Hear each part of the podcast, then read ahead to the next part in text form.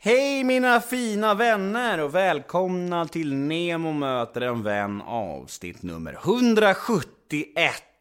Denna vecka gästas jag av Fredde Granberg. Men först ett meddelande från denna veckas sponsorer. Även denna vecka så har vi med Kids Brand Store som sponsor i Nemo möter en vän. Och eh, det känns faktiskt extra speciellt att ha dem med mig. För att eh, jag är ju Hammarby-supporter som många av er vet. Jag är ehm, född på Södermalm i Stockholm och eh, jag missar aldrig en bayern match Och nu är det så här att en av skaparna till Kids Brandstore är Peter Markstedt. Och för er som är Hammarbyare så har ni nog koll på vem det är. Peter Markstedt bildade nämligen anfallspar ihop med Andreas Hermansson under det legendariska guldåret 2001 när Bayern vann sitt enda SM-guld hittills. Så för mig är Peter en levande legend och eh, det gör också det här samarbetet ännu mer speciellt. Det gör att jag är otroligt stolt och glad och tacksam att de och han framförallt vill vara med. För att eh, Peter är för mig och alla andra bajare en riktig legend. Så ja, det känns otroligt coolt. Och eh, avslutningsvis vill jag inte att ni ska missa tävlingen på Instagram. Lägg upp en bild på Instagram och tagga med 18, För då har ni chansen att vinna 3000 kronor i presentkort på Kids Brand Store. Tack Peter Markstedt, tack Kids Brand Store. Mm. Jag vill också prata lite om livepodden som stundar. Nu är det bara några veckor kvar. Den 17 mars, lördagen den 17 mars närmare bestämt, på Pet Sounds bar på Södermalm i Stockholm. Gäster för kvällen blir Filip Berg, Jakob Eklund och Carolina Gynning och det finns ungefär jag tror det var 12 biljetter kvar när jag kollade sist. Så gå in på biletto.se och eh, säkra er plats på livepodden. Det börjar närma sig nu och jag vill gärna träffa er alla där. Det kommer bli en grym kväll. Men dagens podd då? Mm, ingen mindre än Fredde Granberg. Alltså, ja, Fredde är ju en sån där som man har växt upp med. Man har ju han har alltid funnits omkring en i tv-rutan och ja, det är mycket legendariska grejer han har gjort. Och eh, jag var extra stolt över att få en pratstund med Fredde för att han gör sällan intervjuer. Han har aldrig gjort en podd och han, han är ganska skygg när det gäller sånt där. Och det kändes därför extra coolt och speciellt att få till en intervju med honom. Och äh, det här blev en personlig favorit måste jag säga. Jag, jag hade verkligen en supertrevlig stund och jag hoppas ni kommer tycka om det här lika mycket som jag gjorde. För det var, det var grymt. Jag heter Nemo Hedén på Twitter och Instagram. Hashtaggen är NEMOMÖTER. Gå gärna in på Facebook och gilla oss där. Nemo möter en vän heter vi där. Har du några frågor eller önskemål gällande podden eller vad som helst, skicka dem till nemohedén gmail.com Min hemsida är www.nemohedén.se Där finns information om mina föreläsningar, min stundande bok, podden, all information ni behöver om mina projekt helt enkelt. Och podden, ja, den presenteras precis som vanligt av Radioplay och klipps av den eminenta Daniel Eggemannen Ekberg. Men nog om mig, Dags för Neo möter en vän avsnitt nummer 171. Gäst Fredde Granberg. Rulla gingen. Nemo är en kändis, den största som vi har. Nu ska han snacka med en kändis och göra honom glad. Yeah! Det är Nemo är en kändis, den största som vi har. Nu ska han snacka med en kändis och göra honom glad. Yeah! Men vad fan, vi kör igång. Ja, för fan. Nemo möter en vän med Fred Granberg. Woho! Fan, nu kör vi! Ja, nu kör vi. Ja, det här är skitkul! Fan vad jag är taggad alltså. Det är så jävla roligt för att jag, eh, jag har gjort det här så länge, nästan, nästan fyra år liksom. Mm. Och varje gång jag träffar en ny människa så har jag ändå en, jag har ändå en liten idé och bild av hur människan är i intervjuer. Men ja. jag, har, jag har ingen aning om hur privatpersonen Fredrik Granberg är. Nej, det vet inte jag heller. Vad fan? ja. Nej men alltså, du, jag, jag, jag, jag är lite hemlig. Du gör inte så mycket intervjuer Nej. och, sådär. Nej. Och, och, och, och är, är, det medvetet eller? Alltså jag... Jag är ingen sån där... Jag, jag, jag, tycker inte att eh, liksom, Jag njuter inte av att vara med överallt och synas och höras. Liksom. Det är ingenting som... Jag, behöver inte det på det sättet. Så det är nog därför jag inte flashar runt så mycket. Mm. Eh, sådär. Men, men då och då tycker jag att det är roligt. Mm. Alltså, eller mer sådär om det blir någon liten annorlunda grej på det. eh, Sådär som inte jag har gjort förut. Och sånt där. Så det här kändes lite, lite nytt. I alla fall för, för farbror här.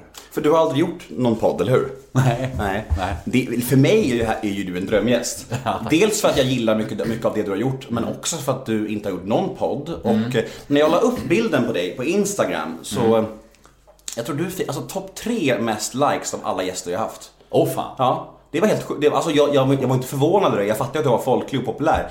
Men har du någon aning om varför, varför folk gillar dig så mycket? Alltså det kanske är svårt för dig att svara på, men det, folk, var- folk var helt till sig, på riktigt alltså. Jag, jag vet inte, jag har gjort mycket dumt när jag var yngre. Så Nej men det, de, eh, alltså de, de, de grejerna som jag har gjort, eller många av dem i alla fall, eller en del av dem har blivit rätt stora sådär och, och satt sig.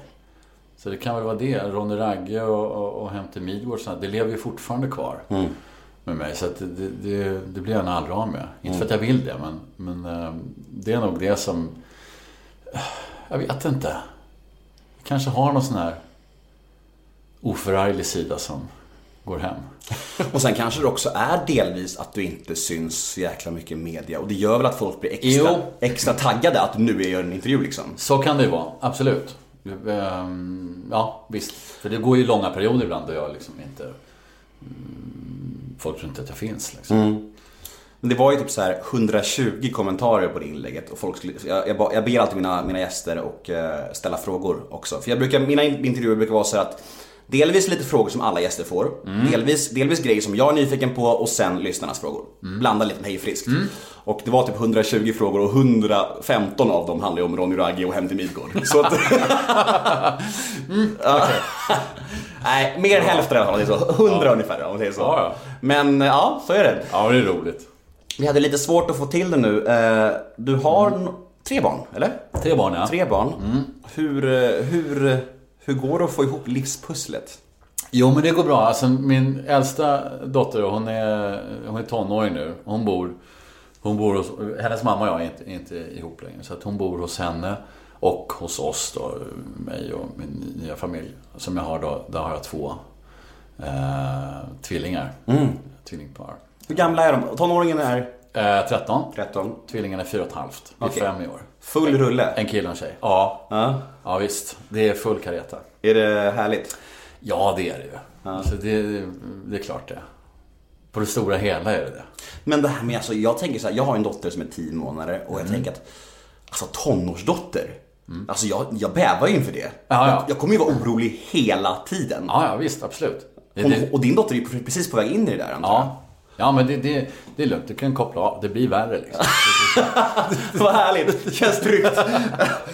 Ja, Men hur, hur är hon då? Är, är hon så här på väg in i det där, den här världen eller? Ja, då. Det, det, det märks liksom. Tonårsgrejen så. Så att du, du, hon är precis eh, trippat in i den nu. Ja. Fy fan alltså. Ja. Nej, Usch. Jag, jag känner bara att jag kommer bli någon som, springer efter min dotter till som, som så här 19 år och bara Pappa, vill ha en puss! Ja, visst. Ja, visst men- Absolut. Väntar utanför på festerna så här i bilen. Ja, ja precis. Fy fan. Okej, men alltså annars då? För att, eh, hur, hur ser en vanlig dag för dig ut? Nu, idag, säg. om du inte hade varit här, vad hade du gjort idag liksom till exempel? Idag, ja idag är det ju då... Idag är det söndag. Ja just det, ja, vi tar en vanlig vardag. En vanlig dag. En vanlig vardag. Eh, En vanlig vardag, då skulle jag... Ja, just nu håller jag på... Jag skriver väldigt mycket. Så mycket av min tid består av att, att eh, skriva manus. Jag håller på med en TV-serie som heter Familjen Rysberg. Och då, då, då skriver jag liksom större delen av dagen, eller så här, från tidig morgon, jag gillar, gillar det, köra igång tidigt. Så skriver jag fram till efter lunch, kanske så här tidig eftermiddag. Och sen så brukar jag fylla resten av dagen med att läsa ljudböcker. Läser in då eller? Ja, läser in. Ja. ja, du gör ganska mycket sånt va? Jag, jag lyssnar på ljudböcker. Ja precis, fan vilket slappt liv. Halva dagen så lyssnar jag på ljudböcker. Jag måste få lite input liksom. Ja, då har man, då har man, ett, då har man ett bra liv om man kan göra så. Nej, men jag tycker det är skitkul att läsa in. Eh, Jag läser ju inte så mycket böcker annars. Liksom, så Nej. då, då, då, får jag liksom, då får jag det också. Men du hanterar ju då alltså skrivarprocessen som ett kontorsjobb liksom. Du, tar, du går 9 to 5 lite grann. Ja. Ja. Det är nog så man ska göra. Jag håller på med... Ja, ja, ja, för fan. Annars Måste kan du få vänta. så? Alltså annars blir det inget gjort liksom. Nej, så jag sitter och väntar på inspiration liksom. Då, det blir ett jävla väntande då. Ja. Det det där är väl jävligt klyschigt, vänta på inspiration. Ja, ja, det är det. Nej, jag, Jag jag, bara kör igång. ja, jag håller på med, med en bok, jag har ju fått bokkontrakt och jag håller på och skriver på den och då snackade jag med Camilla Läckberg om det och, och, och Jan Guillou och båda de sa så här, det är, bara, det är bara att skriva. Det är bara att sätta dig och skriva liksom varje dag. Du kan inte vänta. Nej. Behandla det som ett jobb och det låter som att du gör ungefär samma sak. Ja, absolut. Ja. Ah, fan, jag måste börja skriva. Ja. Hoppas att mina förläggare hör på det här. Men vi- visst har du, du har inga sociala medier va? Nej. Oj, alltså jävlar. Tada! unikum. Ja, Nej, men jag har mail. Ja, du har en mobiltelefon va? Har du det? Ja, för fan, jag har en mobil. Eh, eh, mobil och mail. Nej, men så, så att, eh, jag, jag har ingenting. Jag, jag valde verkligen bort det. Medvetet. Eh, Till, till och med Facebook? Ja. Ja. Hur, vad, hur, tänkte du där? Varför? Därför att jag, jag har fullt sjå att kolla mina mail.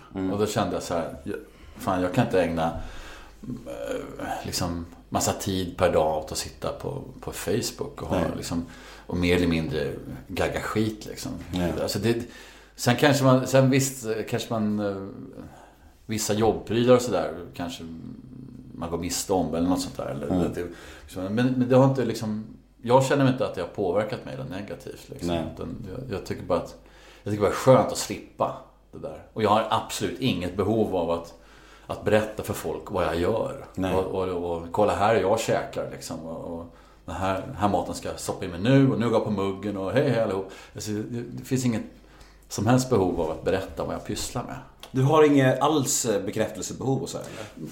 Nej, Någon form har jag säkert eftersom jag ändå har stått och fjantat med rutan ganska mycket. Så där. Men, men, eh, men det menar jag har någonting som jag har hittat på som jag tycker är kul. Som jag liksom vill, vill visa upp då. Eller något sånt där. Men inte... Jag har absolut inget bekräftelsebehov eller så här, någon, någon, eh, att jag vill stå i centrum eller sånt rent privat. Nej.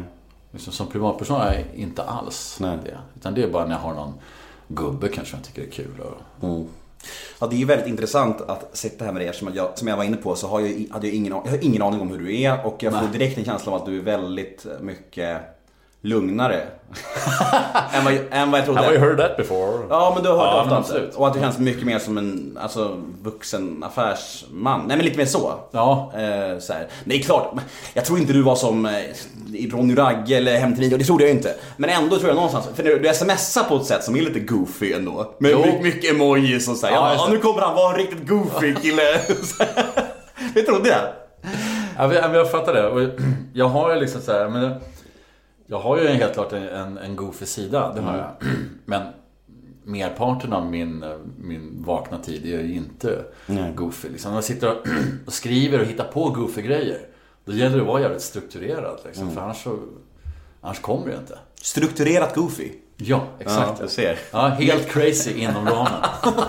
Fan, konstigt uttryck. Lite motsägelsefullt men ändå, ändå logiskt. Ja men det är så, jag, alltså, det är så här, jag behöver verkligen en, en ram för att kunna vara kreativ. Så jag måste antingen få en ram och hålla mig inom, eller så jag skapa ramen själv. Mm. För om den, om den ramen inte finns, om, om någon bara säger så här, du får göra vad du vill. Här, här har du liksom. Eh, Gör, gör vad du vill här. Då kommer det ingenting. Nej. Det, det är bara helt liksom blankt. Jag måste ha någonting att förhålla mig till. Mm. En ram då till exempel. För att liksom veta, ja jag kan gå dit. Så jag kan liksom titta ut över ramen ibland. Mm. Men då kan jag alltid liksom återvända in. Det, det är lite någon, form av motor. Är det likadant när det gäller så här tidspresser? Att du är bättre om du får du har två veckor på dig att skriva här än om någon säger du har fyra år på dig? Liksom. Oh ja. Oh ja. Ja. Så att deadlinen är ju någonting som är, är så här, kan vara lite jobbigt. Lite ångestframkallande så. Fast om den inte finns, då är det ju manjana alltså. Det, Då, då händer ingenting. Nej. Nej. Känner igen det där med, med min bok. Återigen, kommer återkoppla till det Ja, det- hela intervjun. Ja men det är så, för, alltså för mycket tid och för mycket pengar Ja. är, inte, är inte liksom kreativt framkallande. Nej. Alltså det är inte det. Eh, tyvärr. Okej, men alltså intervjuer då? Eh, Vad har du för relation till intervjuer? Hur, hur tycker du om att sitta här? Tycker du att det är kul och spännande? Eller, eller känner du så här att det är svårt till exempel att hitta balansen mellan privatliv? Vad, vad du kan bjussa på och inte? Alltså, Nej, det, det, det känns bra. Det känns, Känns bra avkopplande här med varsin mikrofon. eh, nej, jag, jag har inga, inga eh, problem att prata om något. Så här. Jag brukar vara... Alltså, jag brukar inte vara jätteprivat. Jag brukar inte liksom dela med mig av väldigt mycket. Men är liksom, jag har ingenting emot att, att, att svara på frågor eller berätta om något Nej. som kan vara jobbigt eller sådär. Mm. Det har jag inte heller. Men jag brukar inte liksom... Jag gillar inte att fläka ut mig Nej. på det sättet. Du, har, du, Eh, Av har, mig själv i alla fall. du verkar inte ha något behov av det. Nej. Som jag har till exempel. ja, och det är skönt. Ja, tyvärr. Men det är en helt annan historia. Vi släpper den direkt. Men det känns skönt att vara med någon som, in, som kan lära mig att man inte behöver det. Att man duger ändå som man är.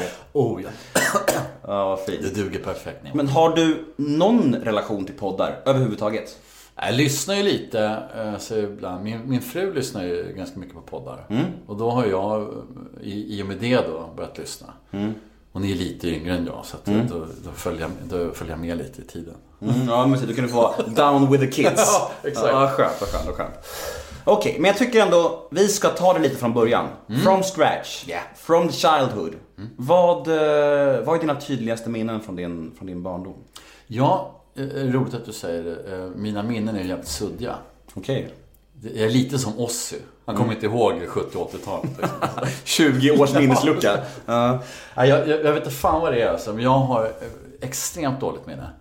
Eh, Men- Och det är både så här i närtid och, eh, och längre tillbaka. Så jag kommer ihåg liksom bits and pieces, men, men när folk säger så här Åh, fan kommer ihåg det när du gjorde det där? Och, i detalj liksom. Jag är helt fascinerad. Hur fan går det till?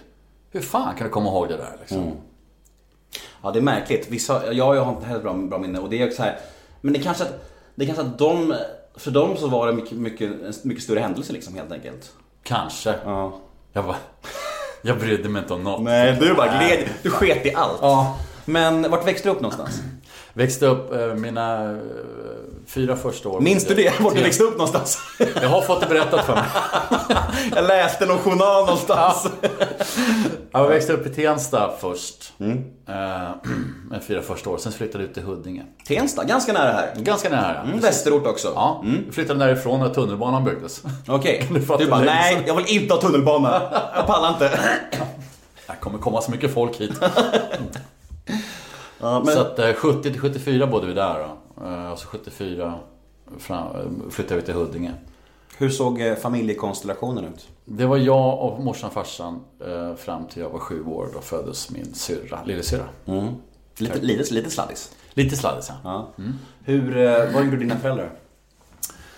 Min farsa eh, jobbar med serier hela sitt liv. Gammal eh, Fantomen-redaktör. Okej. Hade, hade han och Fantomen hela 70, 80 och 90-talet. Så, och en bit in på 2000 också. Så det var knökfullt med tidningar hemma hos? Ja. Det var nice ju. Ja, ja. Ja. Låter som en dröm för en Ja. knodd. ja, det var ju skitnödigt. Det var det bästa jag visste var att följa med på Semik då. På, Där han jobbade i Sumpan. Där alla serietidningar i princip fanns då. Mäden, 91 och Knasen och, och de här redaktionerna som var. Det var ju himlen. Så att byggnaden är ju kvar där. Semik finns ju inte längre. Men jag kan fortfarande åka dit och liksom känna, känna vingslagen. Och det är det, ja, i och för sig, mitt tidigaste minne. Alltså det, det var eh, tidigaste minne, men, men starka minnen har jag ju från just Semik. Man går den där korridorerna, känner den där lukten av det där gamla vinylgolvet. Och, och, och, och, och serietidningarna. Pappret, tusch, kaffe och starköl. Det var ju liksom, ja, men det var så, alltså det var så, ja. Det var 70-tal liksom. Ja, vem fan var det jag snackade med om det? Det var någon som, eh, jag tror det var Sven Melander jag intervjuade och han, han var ju journalist på 70-talet. Och han sa ju det att det var ju helt kaos alltså. Ja, ja. Alltså de söp ju som idioter. Varenda tidning bara söp och söp och söp. Ja. Det var samma där eller? Ja, det var nog väldigt vanligt i tidningsbranschen just. Ja. Så jag tror det. Ah, shit. Vad, vad gjorde morsan? Morsan jobbade på sjukhus. Eh, jag var på Huddinge. Eh, Huddinge sjukhus. Så vi, vi eh, åkte ofta och hämtade henne på kvällarna, jag och farsan. Med lite tidningar. Ja. Hela bilen är full. Precis. Vad, vad, var det en lycklig barndom skulle du säga? Ja, ja, absolut. Det har jag haft. Det är därför inte du har något bekräftelsebehov. Kanske. För du har fått en stabilitet och, Ja, jag- och en självkänsla. Fan, jag är inte så där coolt trasig liksom. Nej, vad fan skulle du snacka om i Stjärnorna på slottet?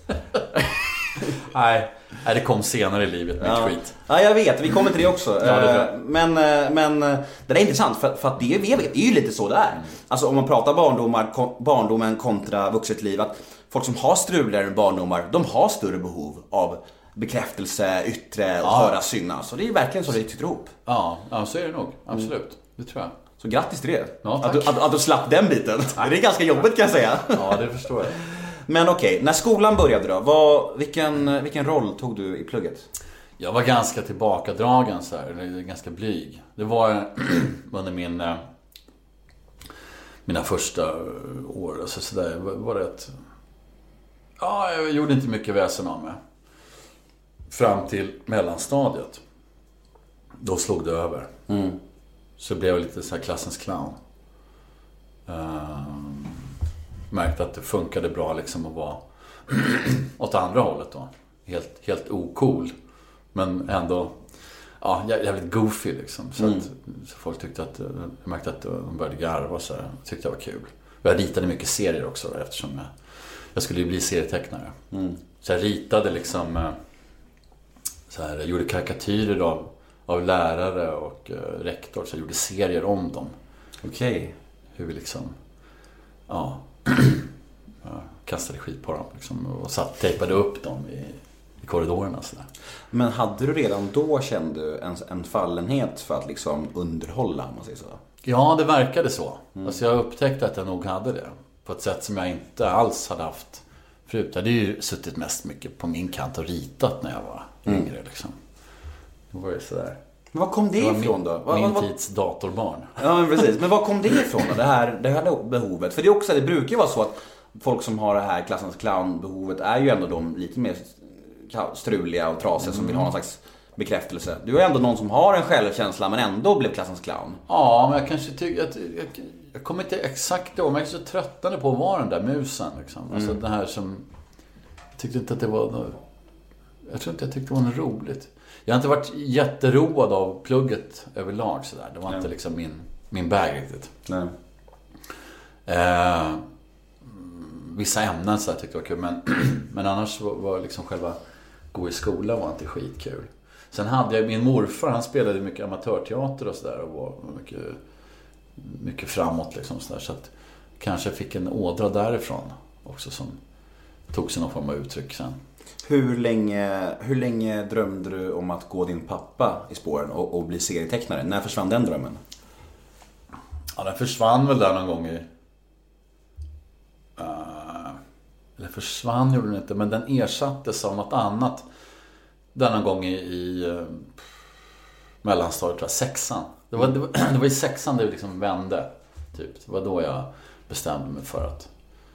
Att... Eh, äh, fuck it. Och så, så bara... Bara körde och började göra knasiga saker. Och kände du då så här, nu, jag ska, det här ska jag göra i mitt liv, det här, är mitt, liksom, det här ska jag jobba med eller? Nej, det gjorde jag väl inte. Men det var fortfarande, jag har fortfarande varit serier som jag tänkt att jag skulle vilja göra. Men, men jag, jag, det jag upptäckte var att jag började skriva mycket. Så att jag, liksom, jag kunde skriva historier. Och det tyckte jag var jävligt kul. Så jag skrev, det fortsatte jag upp på högstadiet sen. Så att vi hade liksom eh, så praktik och sånt, gjorde jag ju stora, långa uppsatser med omslag och att jag ritade omslagen och liksom s- beskrev min, min praktikplats som en, liksom en, en, en slags jävla humorhistoria. Liksom. Så att, eh, Ja, du blandade lite av det här som, som pappa gjorde, alltså, att, vet, ja, med det som du, det nya du liksom. Ja, precis. Exakt. Så var det. Och tittar man på mina gamla serier som jag, som jag gjorde så ser man att humorn är ganska lik den som jag sen gjorde i TV. Då, sån här, liksom. Så att det är ganska samma sån här jävligt, jävligt crazy humor. Liksom. Jätte-weird. Gan- Ganska weird är det ju. Ganska weird. Okej, men okej, plugget då. Du, du är någonstans nu, mellanstadiet, eller högstadiet, du går i sexan. Dina drömmar har ändrats lite. Hur var det socialt då? Med, eh, jag tänker med tjejer, kompisar, betyg, hur? Ja, tjejer var jag inte så jättebevandrat med. Jag var ju inte liksom... Jag var, inte, jag var ju killen som man tyckte var rolig, men inte som man ville vara ihop med tror jag. Så att det, det var- Fan. Fan också. Rackarns. Nej, jag sörjde inte det. Jag var inte så jävla intresserad av tjejer heller. Nej. Inte av killar heller. Alltså jag var inte, det var inte... Jag, jag körde min grej på något sätt. Mm. Jag var lite hårdrock, alltså jag var ju hårdrockare, punkare och hårdrockare lite grann sådär. Inte direkt uttalat. Så när andra gick omkring med liksom stora ryggtavlor med Iron Maiden och Black Sabbath och sådär. Så ha- gjorde jag en egen eh, ryggtavla med en, någon gubbe så oh, det såg helt crazy ut som morsan sydde på på min jeansjacka. Som ser ut som dina emojis du skickade i sms till mig. Ungefär så. Ja, så att det var liksom... Jag hade någon jävla badge och man hade såna här knappar med. Mm. Massa hårdrocksknappar. Jag hade ju sånt också. Men jag hade en som stor jävel som stod så här, Stor flinande jävla mun stod jag är en glad skit på. Så det var väl min bild av mig själv. Eller som jag ville vara i alla fall. Är du en glad skit? Ja, ganska mycket är jag nog. Ja. Så jag, jag, försöker, jag försöker inte tvingas... Alltså det, det, man, går på massa nitar tids nog ändå. Så man kan lika gärna gå runt och tycka att livet är ganska great mellan varven. Istället för att gå ner sig. Och så ska man gärna stava great med G-R-E-J-T. Ja, ja absolut. det gör jag. Jag ska stava i mail också. M-E-J-L. Ja, jag, jag vet. Jag såg det i sms. Jag blev bara, fan han är en great kille. Det är härligt. Alright, men när, när du kom lite högre upp då? Högstadiet, gymnasiet. Vad, vad, hände, vad hände med dig då? Vad, vad, vill, vad, vad, vad hände liksom? I kroppen, i livet? Ja, högstadiet var... Alltså det var ju en fortsättning då. Det var väl ut, det här, jag knasade runt där och så var lite uppträdanden i skolan och...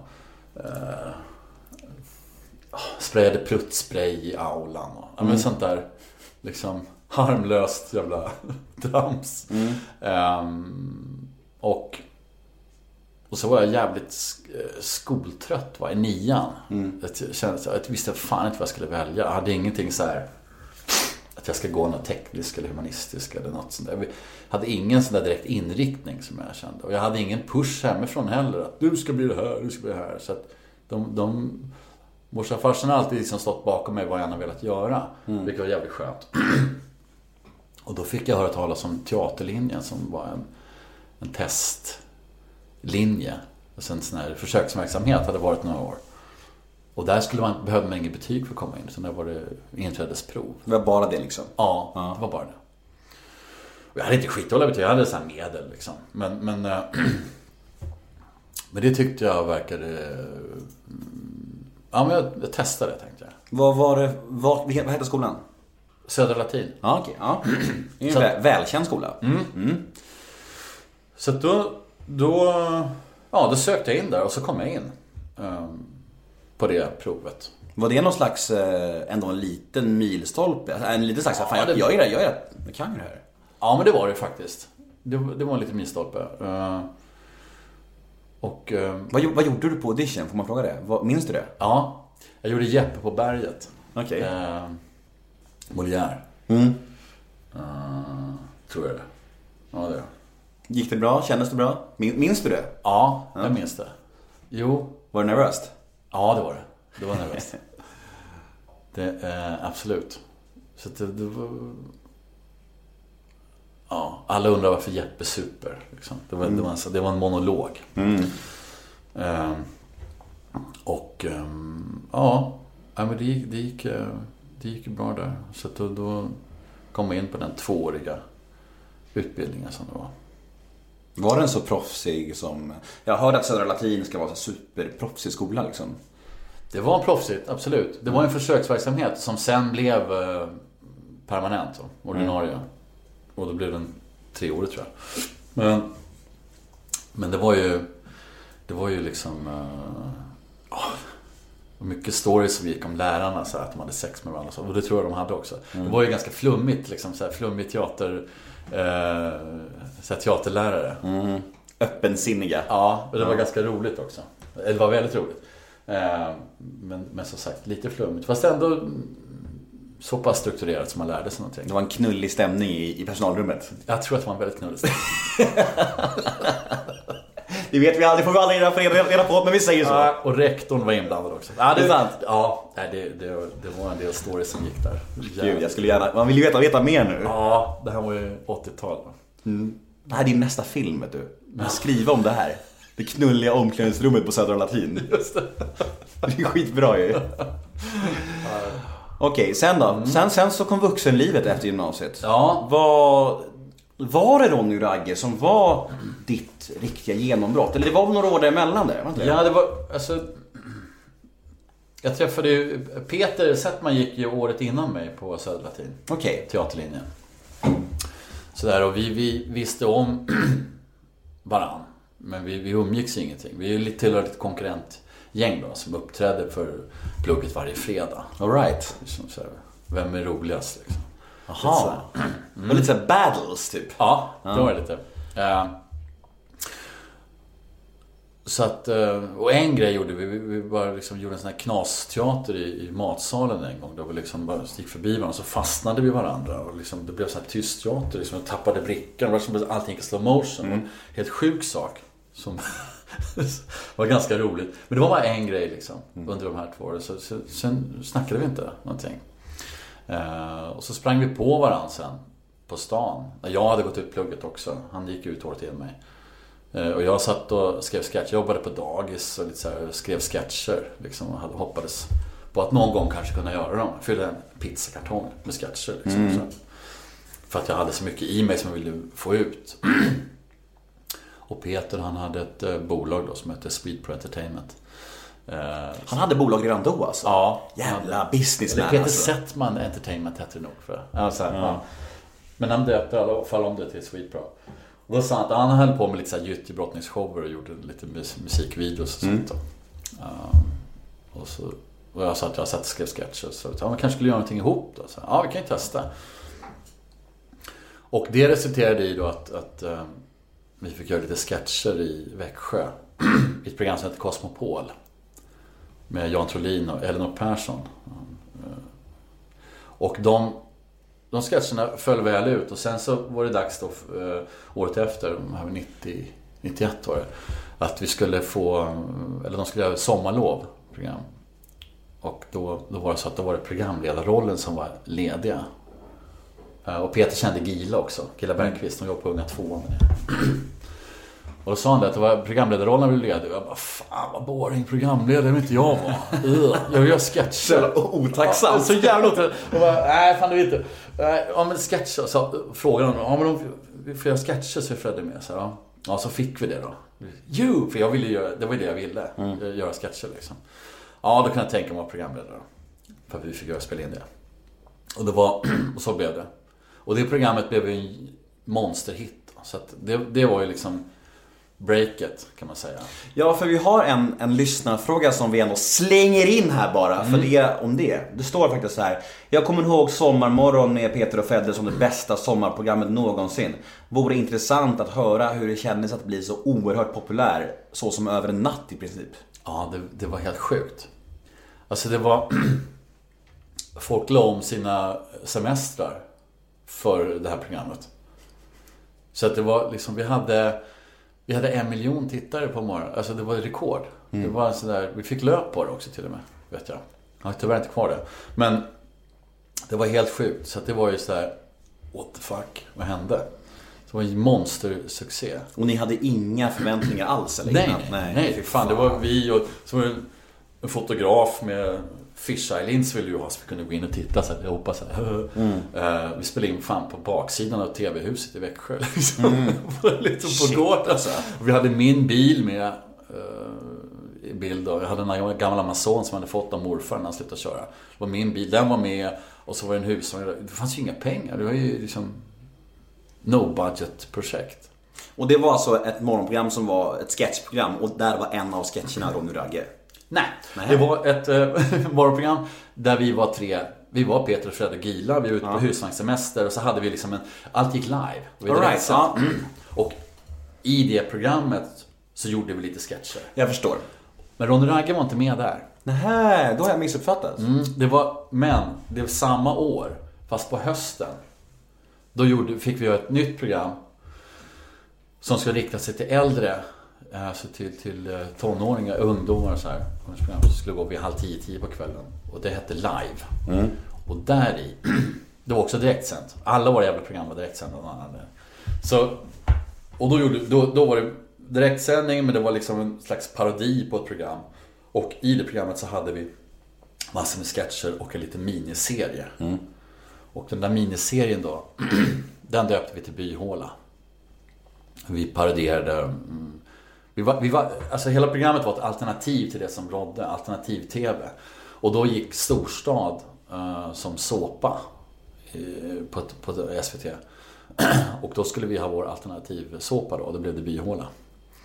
Och där finns det ju liksom så här snygga killar, snygga tjejen och några sådana här blöjraggare. Så tänkte jag att ja, men vi kan spela blöjraggarna, det blir bra det. Och så gjorde vi det. och det var Ronny Ragge. Mm, det var fröet då. Och det var, känd, var det direkt så här responsen var massiv just på de karaktärerna eller vad? Ja, det var, hela programmet gick ju väldigt bra och sen så var det ju just, det där blev kultigt. Alltså Ronny Ragge märkte man ju direkt. Alltså, men då var det liksom mer sketchform, det var inte så utarbetat då. Så att när vi skulle göra vårt nästa program året efter, Megafon. Då utvecklade vi det där till Byhåla 2. Då var det mer en köttig serie med en historia och sådär. Och då, det stack, det tog ju fart som helvete då. Va, va, varför tror du att det blev så vansinnigt stort? Har du funderat på det? Vad var det som gjorde att, att folk tog till sig så mycket? Jag vet, alltså Dels var ju liksom, eller är fortfarande den här liksom raggarkulturen och sånt, det är ju stor till landet. Eller, eller raggarkultur, men det här man som åker runt i liksom sina hottade bilar vid korvtjorren liksom. Det är ju fortfarande så i... Epa-traktor. Ja, man fan åka upp till. Rättvik liksom. Ja, ja. ja. Ja, så, så jag tror att det, det var nog mycket igenkänning. Liksom, att, att det faktiskt det är lite sådär på vischan. Vid Stockholm var ju det var ju inte stort. Alltså, Stockholm var ju sist med att gilla det där. Och jag tyckte, vad fan är det här för skit liksom. Ja. Eh, sen kom de. Men, men, eh, men jag tror att, ja, sen är det väl att två... Alltså de tar sig själva på så jävla, de tycker själva att de är så jävla bäst också. Fast de egentligen är riktiga jävla losers. Det kan man ju känna igen sig i. Tycker såhär, men fan, där är du. Så, att, eh, så bor väl en liten ragger in i, i svenskar. Jag tror det. ja, det gör nog det. Bor liksom djupt där inne. Men det är också intressant att, eh, att det är ju På något sätt så är det ju en kärleksfull parodi. Ja, det är det. Jag tror det är det, vik- det viktiga. Att det inte det är inte elakt och hånande på något Nej, sätt. nej det, det är verkligen. Alltså vi blev ju så här eh, raggarnas språkrör på något sätt. Alltså, de riktiga raggarna tyckte ju att det här var jävligt kul också. De som, jag menar, de hade väl Eddie Meduza som sin husgud och sen så och sen tog de oss till sig också. Eh, så att vi, vi hade ju liksom Fick skriva, du vet, få skriva in i en raggares jacka, skriva sin autograf. Det är ju jävligt stort liksom. Den där jackan är ju fan helig. Och vi blev hedersmedlemmar i flera raggarklubbar, här motorklubbar och sånt. Och, eh, det var jävligt. Och något, något gig vi spelade så var det så här, sånt jävla tryck så att de skulle avbryta konserten. Och då var det några storvuxna raggare som gick fram till alla och bara Nu jävlar sätter du er för fan, nu ska vi se oss jävlar! Du vet, vart så jävla förbannade då. Ja, ja, den här jävla musiksvängen. Alltså, ni fyllde ju för fan alla jävla folkparker i hela jävla Sverige. Ja, det var sjukt alltså. Vad fan, du måste berätta om den tiden. Det måste varit helt jävla hysteriskt. Det var helt hysteriskt. Nu Rock- har vi ju med rockstjärnor. minne då. Ja, alltså, det- det, var, det var så jävla snurrig period. Vi spelade 60 folkparker tror jag vi gjorde. Alltså, Shit alltså. och ja. Då fanns det ju ändå fortfarande ganska många kvar. Mm. Så, så vi, vi besökte väl allihop. Och så slog vi ja, 26 publikrekord. Då. Helt sjukt alltså. Så det var sånt enormt jävla tryck. Mm. Och innan vi, gjorde, innan vi gjorde den turnén, då hade vi varit ute på 120 klubbgig. Det är bara jag och Peter som rådde ragg och två mickar. Någon form av dubbel stand-up variant. Mm, när ni sjöng och, och var roliga typ. Ja, vi, precis. Vi hade en... Vi, vi sjöng lite och så var det mest att vi, vi snackade och gaggade och var jävligt knäppa. Så att, och det var ju på såna här små du vet, restauranger och... Harrys. Ja, men exakt. Sådana typ av place. och det gjorde vi först då. Och hyggligt många, 120 typ. Och sen så några veckor senare var det dags för den jävla turnén. Så var vi, alltså, det var en sån galen period. Levde ni rockstjärneliv då? Alltså var det mycket supa och du vet, härjande på det sättet också? För de övriga band, inte för, alltså inte för mig. Nej. Jag orkade inte. Jag var ganska så här. Körde järnet på showen och sen så var det liksom kanske ta en bärs och gå och käka. Sen vill jag gick jag in på mitt rum liksom. Fan, man har ju man har tänkt att du och Peter levde ut sina, er värsta period då. Har man ju tänkt liksom. Ja, nej, Peter gjorde nog det. Han var en riktig jävel. Var han det? Nej. jag har ju faktiskt inte haft med honom här, så jag har ingen aning. Nej. Nej. Nej men han... han eh, Var han värre än dig? Ja, men han, ja det var han nog faktiskt. Ja. Absolut. Han var, han, var, han var mer och, Han partade lite mer än vad jag gjorde. Men jag, jag, jag partade inte särskilt mycket. Var ni singlar då? Ja. Ja, Ja... mm. Nej, fan Nej. det var vi ju inte. Inte jag i alla fall. Ni, ni var inte singlar, men ni levde som singlar. Nej, inte, jag, jag, jag, ja, Peter gjorde nog det mer. Vi klipper bort det här va? Jag tänkte, jag tänkte precis fråga, var det mycket damer? Du bara, jag vet inte, jag måste tänka över det här svaret.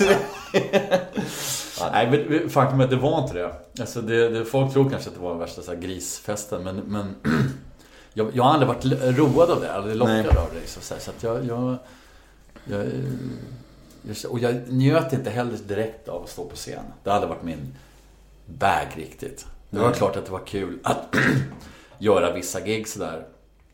Alltså första premiärgiget på Liseberg med 50 000 pers, det, det är ju lite absurt. Alltså man såg inte vad fan det slutade någonstans. Men, men den där riktiga kicken, du vet. Den får jag med när jag skriver något som jag tycker är jävligt... Ah, där satt den. Där satt gubben. Ehm, Kan du känna dig själv när du har skrivit någonting? Eller, eller blir, kommer kicken först när du har fått en input från någon annan? nej, det, det, det, är när, jag- det är mig själv. Alltså det är när jag kommer på den. Går på att, eh, liksom, där sitter gubben eller det där, den här dialogen vart ju lysande. Liksom. när man känner så själv och sitter och garvar själv på ett fik åt det man skrivit så folk undrar om man är helt dum i huvudet. Det, det, det är min största kick tror jag. Fan vad magiskt att kunna ge sig själv den bekräftelsen. Förstår du vad jag menar? Ja, Coolt det, alltså. ja det, det, det är rätt kul. Faktiskt. Alltså, och det handlar inte om så att, att jag vet att det här är bäst, liksom, att jag tycker att det är bäst. Utan det är mer bara en känsla jag får. Fan, det här, det här vart ju jävligt roligt. Här. Sen om det inte går hem när man spelar in den, så här, det är en annan femma. Men just, just där, just då, så kan, får jag en, en kick. Liksom. Sist, vi, ska, vi ska inte dröja så länge kvar med Ronny och Ragge, men mm. liten stund till. Ja, och, eh, För att eh, ni åkte runt och var, vad sa du, 60 folkparker. Eh, och Ullevi 50 000 pers. Det måste finnas ganska mycket galna minnen ändå. Har du något specifikt minne från den här tiden som sticker ut? Som du minns som den tydligaste historien? Något sjukaste du varit med om? Alltså det, det var en lite otippad historia. Eh, ja, minnet är som det är. Men vi, vi skulle spela, det här var i och för sig innan, det var innan folkparksturnén. Det var på klubbgiggen.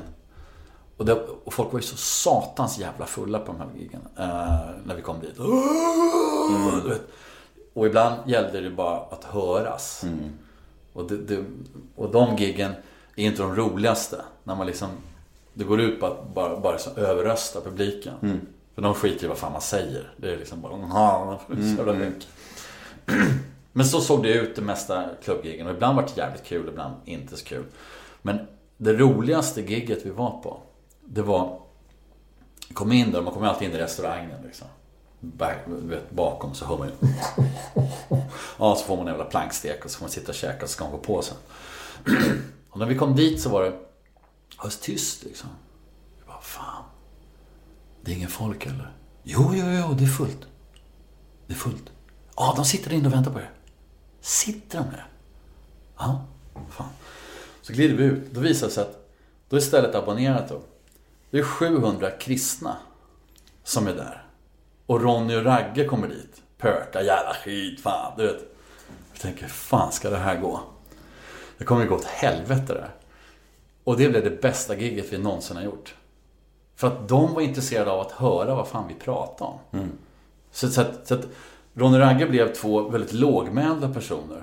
Som berättade om sina liv och wow, hur de såg på saker och ting. Och, och så, här. så vi tv- tvingades liksom tänka jävligt mycket. Och de skrattade så in i helvete, de här. För det blev liksom på, ett, på en helt annan nivå. Och det var väldigt kul. Och jävligt otippat då.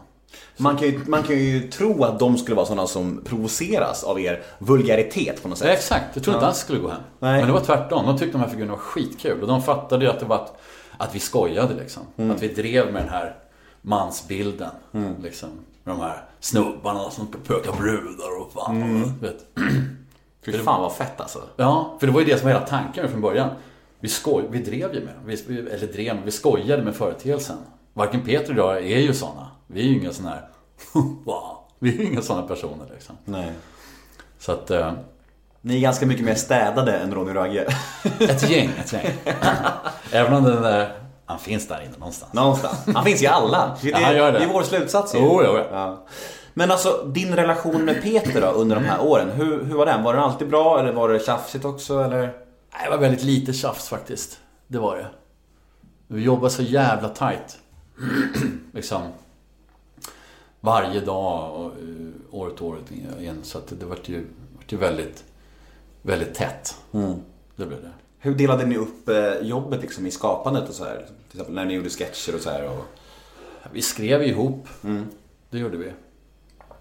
Eh, Även om det var jag som tog hand om mycket så här, det rena liksom, hamrandet på, på datorn. Så satt han, satt han bredvid och, och idésprutade liksom. Ja, precis. Så, så att, vi skrev ju mycket ihop. Och regisserade ihop också. Han var regisserade väl lite mer än vad jag gjorde. Så, här, men vi, vi gjorde ju grejerna liksom både bakom och framför tillsammans. Det var ingen annan som var inne och berättade hur vi skulle göra. Och visst fan, var, visst fan var det Christer Sandelin som gjorde Ronny Ragge-musiken? Ja, du ser, jag är påläst. ja. påläst. För fan, det var ju gamla avdankade style-låtar. Ja. ja, men det är ju ascoolt Ja men typ så här, det var, eller en del i alla fall var det såna här låtar som han hade eh, liksom gamla skelett till som inte hade blivit något. Mm. Eh, där han hade lagt på någon sån här dammig sång bara så här, Ooh baby love love love. Mm. Man skulle få höra hur melodin gick. Så skrev vi texterna till de låtarna. Och, och plattan hette Let's Pök va? Let's Perk. Och det sålde typ så här 400 000 plattor och sådär. Ja, inte, ja, 150 kanske. Ja. Men det var i alla fall eh, dubbel, det var ju ohyggligt mycket på den tiden. Och mest pengar gick till Christer Sandelin då. Tyvärr. Jag minns inte. Sa han, inte alls med en bitter blick i ögat. Men ni kanske blev ganska täta på resten kan man tänka sig. Ja, det gick jävligt bra. Mm. Det gjorde det. Minns du vad ni, vad ni, vad ni tog för ett folkparksgig? Nej, fan jag, jag minns inte det. Kan det ha varit? Jag vet inte. Jag var inte så inblandad i det. Jag var inte så intresserad heller. Nej. Hela... Folkparksgiget hade vi väldigt mycket folk med. Det var en stor apparat som åkte runt. Jag vet inte vart det, vad det kan ha kostat. Men, men Peter och du då, vad... Om du skulle beskriva er relation. Då var det, ja det var bra. Men hur är er relation idag? Är ni, på, är ni kompisar? Mm, säga. Mm. Umgås ni något? Inte mycket. Eh, det gör vi inte. Vi, vi, vi jobbar med, alltså, vi jobbar ju båda väldigt mycket och Peter jobbar mycket utomlands och sådär nu. Och han, han har alltid varit mycket mer företagsledare än vad jag har varit. Liksom mycket mer intresserad av själva... Entreprenör. Ja. Ja men han har alltid varit businesskillen liksom. Han, han gillar ju det. Han är jävligt bra på det också. Så där. Att, att driva företag. Liksom. Så att han har pysslat mycket med det. Så vi gick väl lite åt olika håll liksom där i början av, det, slutet av 90-talet, början av 2000. Ja, det var någon som frågade dig faktiskt så här. Fråga Fredde om han är bitter över att Peter är så mycket rikare än honom. Du tänker i pengar nu eller? Ja, ja, men precis. Ja, nej, nej det har aldrig varit. Det har aldrig varit. Men han sålde Baluba va? Mm. Då fick han nog en, en rejäl hacka kan man Ja, han säga. fick en åt- 80 spänn någonting. Ja, något sånt där. Ja. Nej, men han har alltid varit duktig på att tjäna pengar och det tycker jag, och det, och det, det ska han ha också för han, han sliter jävligt mycket. Också, det gör han. Så att, eh, så visst, han är en duktig, duktig affärsman. Vi går vidare. Eh, Det är väldigt många, eh, inklusive jag själv, som, som var fullständigt besatta av Hem till Midgård. Alltså, jag, jag vet inte, vi såg det hela familjen då. Vi är stor familj, vi är åtta stycken i, familj, i min familj. Och alla såg på det tillsammans. Ja, vad roligt. Eh, Och vi tyckte det var alltså... Jag skrattar sällan, sällan högt till tv-serier. Ännu mer sällan till svenska serier. Jag, var, jag, var aldrig, jag var aldrig ett stort Ronny Ragge-fan, det ska jag säga. Jag tyckte om musiken. Men ske- sketcherna var också helt okej. Men Hem till Midgård tyckte jag var... Jag tyckte den var, det var så jävla roligt på så många olika nivåer. Det var både flams men också alltså, karaktärerna var så jävla starka liksom. Jag tycker verkligen det. Ja, vad roligt. Eh, och, och det var så välskrivet och det var så här. eh, Så jag vill, jag vill bara veta allt om Okej. det. Ja, det ligger lite längre fram i tiden. Kanske kommer ihåg lite mer. Ja. Shoot. Ja, hur, hur, ehm, hur kom idén till? Idén kom till... eh, jag hade en idé om två karaktärer som hette... Vad fan hette de? Runar och... Det var något så här, det skulle vara två liksom... Det var ju mycket, man tänkte ju mycket i två. Och är kvar från Peter-tiden. Tänkte- Man tänkte i par. säga. Eh, Runar och Balder tror jag de hette. Något sånt där. Och det var- det skulle vara liksom någon slags eh, humorgrej där man liksom slog varandra i huvudet och sådär. Mycket, mycket fysisk humor. Eh, och sen utvecklades den idén till att bli en sitcom. Eller en slags parodi på sitcom kan man säga. Alltså för att, fast, fast det var ju en sitcom. det är så jävla crazy. Så att vi, vi ville göra en, liksom en, eh, en vikinga, vikingaserie lite åt Blackadder-hållet. Fast på svenska på vikingatiden. Eh, Men det var lite den humorn vi hade i, i, i bakhuvudet. Fast den skulle vara mycket mer fysisk och skitigare skulle den vara. Eh, Så att det skulle kännas liksom att det luktade illa av serien. Alltså, det, var, det, det var lite... Så jävla bra idé. Ja, tanken så här. Ja. Åh, fan. Och, eh, och vi skulle göra den på TV4 också. Och det tyckte vi var väldigt kul att vi skulle få liksom med och skita ner fyran. Polerade kanalen. Jag tyckte också Roffe Skoglund var väldigt roligt. Det var en av hans... En av grejerna han tyckte var roligast med att få vara med och skita ner fyran. Jag tror att fyran idag jobbar ganska bra med det själva. Skita ner, skita ner sig själva. Nu, nu klarar de sig, men vi, liksom, vi, vi var grogrunden. Ni Vi var före er tid för. Precis. Ja. Så att, ehm, nej men och då tyckte vi liksom att det skulle vara kul att jag älskar ju här sitcom med skratt och grejer. Alltså, mm, där det ligger garv. Jag hade velat göra en serie där det liksom ligger garv. För jag tycker att Jag tycker att du blir roligare. Alltså man, man, man hjälper publiken att skratta. Man vet liksom att man hör att nu är det kul. Det smittar av sig på något jävla sätt. Jag är väldigt fan av den skolan. Vilket många i Sverige inte är. Eh, eh, och då... Mm, mm, mm, mm. Just det. Och då skulle vi göra den här serien. Och då utvecklades den då som sagt och blev mycket större. Och fyran köpte det här tyckte det var jävligt kul. Vi spelade in en liten trailer först för att sälja in det här. Då hyrde vi lite vikingutrustning och kamera. Och så gav vi oss ut och jag och Johan och, Stefan och Marco ut bakom Kakenstornet. Och, och gick loss och pucklade på varandra med svärd och grejer. Fan vad jag skulle vilja ha med då alltså. jävla det var så jävla sjuk jävla grej. Och så klippte vi ihop den där. Där vi, så, ja, när vi gjorde den grej som i princip gick ut på att vi spöade skiten ur varandra. Eh, och så skickade, mejlade den till fyran. Och den här gick runt på fyran då. Till de olika cheferna så här. Och folk, och det var ju bara några minuter lång. Mm. De garvade skitmycket. Jag tyckte, vad fan är det här för sjukt jävla skit? Men var, var karaktärerna klara då? Hade ni dem liksom så här? Ja, i princip. Ja, ja. I princip hade de. Men vi pratade inte så mycket. Nej. Det var mest ordlöst och vrål och liksom Ja. så här. Fast man såg på karaktärerna ändå hur de var. Och snygga peruker. Snygga peruker. Ja. Ja, ja, absolut. Eh, och sen så berättade vi vår idé då att vi skulle göra den här lite Blackadder-influerad fast skitigare och att vi, vi, det skulle utspela sig i Midgård som skulle vara en förort till Birka. Och Birka är redan kristnat. Det här precis i skarven då, kristendom och asatro. Birka är kristnat för länge sedan, de har, de har liksom gått framåt. Min lilla Midgård då, typ som Södertälje, så här, ifrån till Stockholm, är kvar i den här asatron. Så det sista asafestet då. Eh, och så skulle vi berätta om det här jävla loser-gänget då. Lill-Snorre som blir lämnad. Hans, hans pappa Snorre den store beger sig ut då. På, på, på haven. Och Lill-Snorre blir lämnad ensam. Att vakta byn tillsammans med hans odugliga män.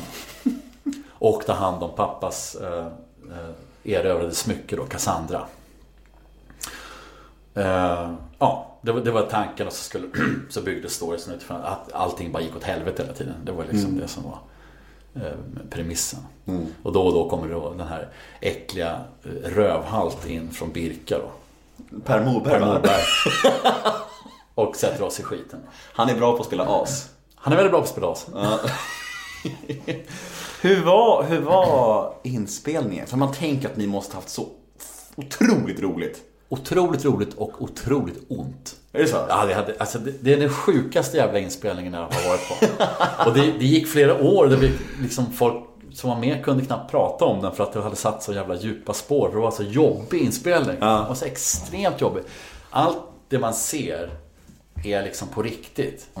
Vi spelade in ute i en uppbyggd by. Eh, som byggdes upp eh, då för det här. eh, av producenten, eh, min bästa vän för övrigt. Som åkte liksom upp till Hälsingland och rev ner stora lador med timmer och så. Och fraktade hit det och byggde upp de här byarna utanpå byggbaracker. Så att, och i de här, i dekoren, där låg liksom sminklåsen och det. Så man gick in i husen och sminkade sig och, och liksom allting som man behövde var där inne. Så funkade det då som kuliss också. Och så var det vissa då som var uppbyggda för långhuset och sådär som vi spelade in i. Men allt är liksom Det är filmat lite som att det är dokumentärt också. Det är handkamera och, och vi följer med liksom. Det brinner eldar och det, det, är liksom Det är skitigt och jävligt och, och vi slår oss och offrar oss liksom.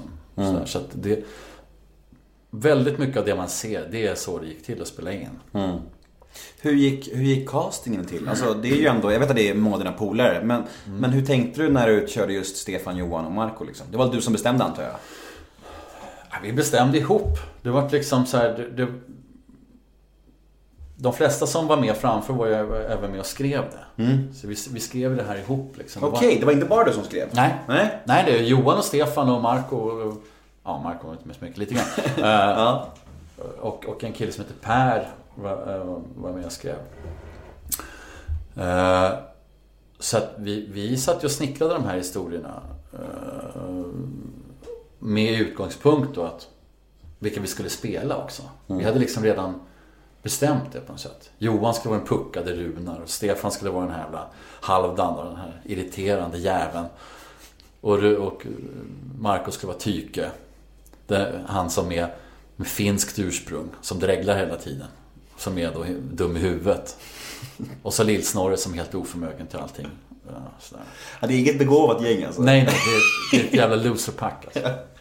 Ja, men det är väldigt, väldigt kul. Har du något... Eh, jag, är, jag, jag, tror att, jag tror att jag minns... Det känns som att jag minns serien bättre än du nästan, förmodligen. Har du något favoritavsnitt eller favoritsekvens i den? I, i Hem till Midgård liksom? Det, det finns, jag, såg, jag har faktiskt sett en del avsnitt så här på senare tid. Det, det finns en del som är väldigt kul tycker jag. Eh, I dem. Jag tycker att det är roligt när vi eh, När vi pratar om herr blå och herr svart. Exakt det jag skulle säga! Fan vad sjukt att du säger det! Det, det, Och. Runar får guld! Ja. Va? guld! Får jag bara guld? Det är så jävla kul! Blir helt nöjd. Ja, Och är det han säger? han får bara rosa. Varför får jag vara rosa? För att vi inte ska röja vilka vi är så ska det inte vara Lillsnorre, Tyke, Runar och Haldan som är ute och plundrar. Åh, vad synd. Men då går jag och badar. Men idiot! Jag menar att vi ska använda kodnamn så att ingen vet att det är vi. Precis. Kodnamn! Hurra, vilken bra idé, Halvdan! Men hallå! Vad är min idé? Vi ska använda kodnamn. Okej, jag heter inte Lillsnorre utan herr Svart. Tyke är herr Blå. Va? Det, det är du, Tyke. Okej, okej. Jag är herr Svart, Tyke herr Blå, Va? Runar herr Guld. Wow, jag är herr Guld. Vilket schysst namn. Hör du, Halvdan? Men käften! Jag försöker dela ut kodnamn här. Okej, för tredje gången. Jag är herr Svart, Tyke herr Blå Va? och Runar herr Guld Wow, jag är herr Guld. Vilket schysst namn. och Haldan herr Rosa. Okej, några frågor? Bra, då kör vi. Vä vä vä vä vänta, vänta här nu. Va? Varför måste jag heta herr Rosa? Därför att det är den fulaste färgen som finns. Ja, men jag, alltså, jag förstår inte, varför kan ingen annan heta herr Rosa? Ja, va- varför ska just jag heta herr Rosa? Ja, men... Jag vill inte heta herr Rosa. Okej, herr Rosa har just sett till så herr Rosa får göra tråkgörat. Fixa. Åh, vad kul att du säger det. Jag blir så lycklig. Det var exakt det jag skulle säga. Ja, vad roligt. Ja, det, det, den, den, den sekvensen tycker jag är väldigt kul. Jag, tyck, Eller- jag, jag tycker ju Runar är, och Johan, alltså just den karaktären är ju... Ja, den är väldigt rolig. Fan alltså. Väldigt rolig. Fantastiskt. Han är väldigt duktig. Ja, den. Eh, hur- vi- men det känns som att ni är ett gäng. Alltså, alltså det känns som att ni har gjort mycket ihop genom åren. Ja. Du, Stefan och, och Johan. Ni jobbar mycket ihop. Ja, det har vi. Absolut. Dr Mugg och Bröderna Fluff och hela faderullan. Ja, visst. Visst. Vi började ju alltså... Jag började på... När jag jobbade på Baluba då, eller på Sweet, det som blev Baluba sen, Sweet Pro. Då gjorde vi ju program. Där kom Johan in rätt tidigt då, i slutet på 90-talet. 90... Eller mitten på 90, förlåt. Eh, just och det, Bröderna Fluff var väl det första som jag gjorde med Johan.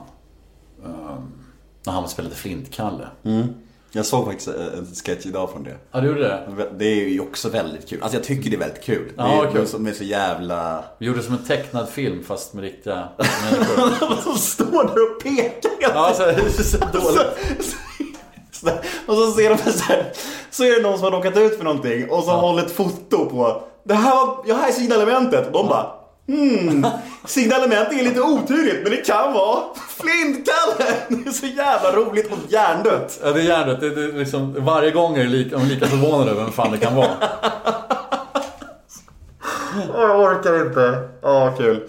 Ja, men i alla fall om vi ska knyta ihop säcken kring, eh, kring Hem till Midgård. Eh, Ja. Det är jättemånga människor som drömmer om en ny säsong. Det kommer aldrig ske eller? Alltså, vi, vi hade ju planer på det. Vi gjorde två stycken. Vi gjorde 24 avsnitt. Två säsonger. Jag har de DVD-boxarna för övrigt. kan jag Ja, säga. ja, ja, kul. mm. Och sen... Sen revs byn. Vi, vi hade tänkt ha kvar den, göra så här eventby. Liksom, man kunde åka dit och... Sen så bytte de ledning. Vi spelade in på Lidingö, så bytte de eh, kommungubbar där och de nya ville inte ha kvar där och så revs det. Och sen så blev det...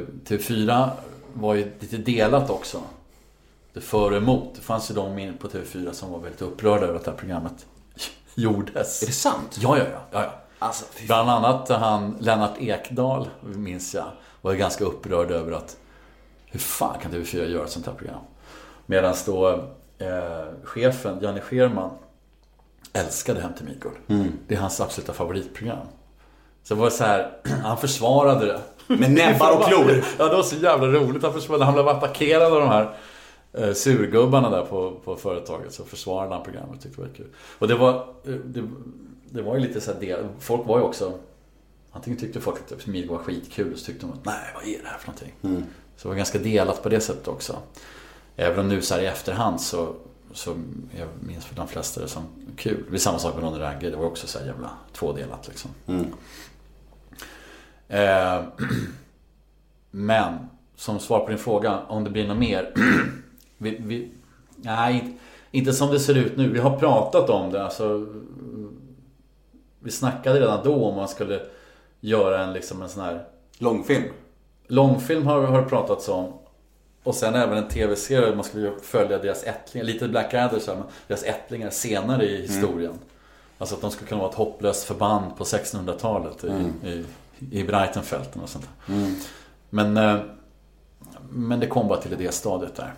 Så det har inte blivit något mer. Om jag, om jag startar en Kickstarter-kampanj, en insamling för er, så fin- finns det chans till det då ens? En crowdfunding. Ja. Jag är villig att göra det. Jag- får med alla mina lyssnare.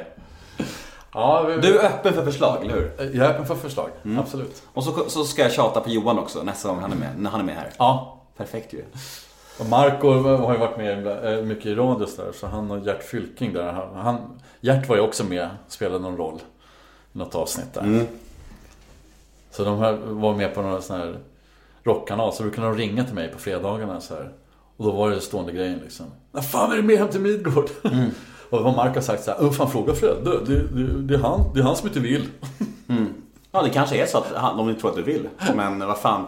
Det kommer komma ut nu att alla vill och det kommer bli av. Det är, det är mitt mission i livet. Okej. Eh, du, för jag, jag, jag minns att jag poddade med Marco för eh, något år sedan. Då snackade vi lite om det och han verkade vara jävligt, han tyckte det var skit, skitkul verkar det som. Ja. Så det är nog inte omöjligt. Vi, vi luskar i det. Eh, vi går vidare.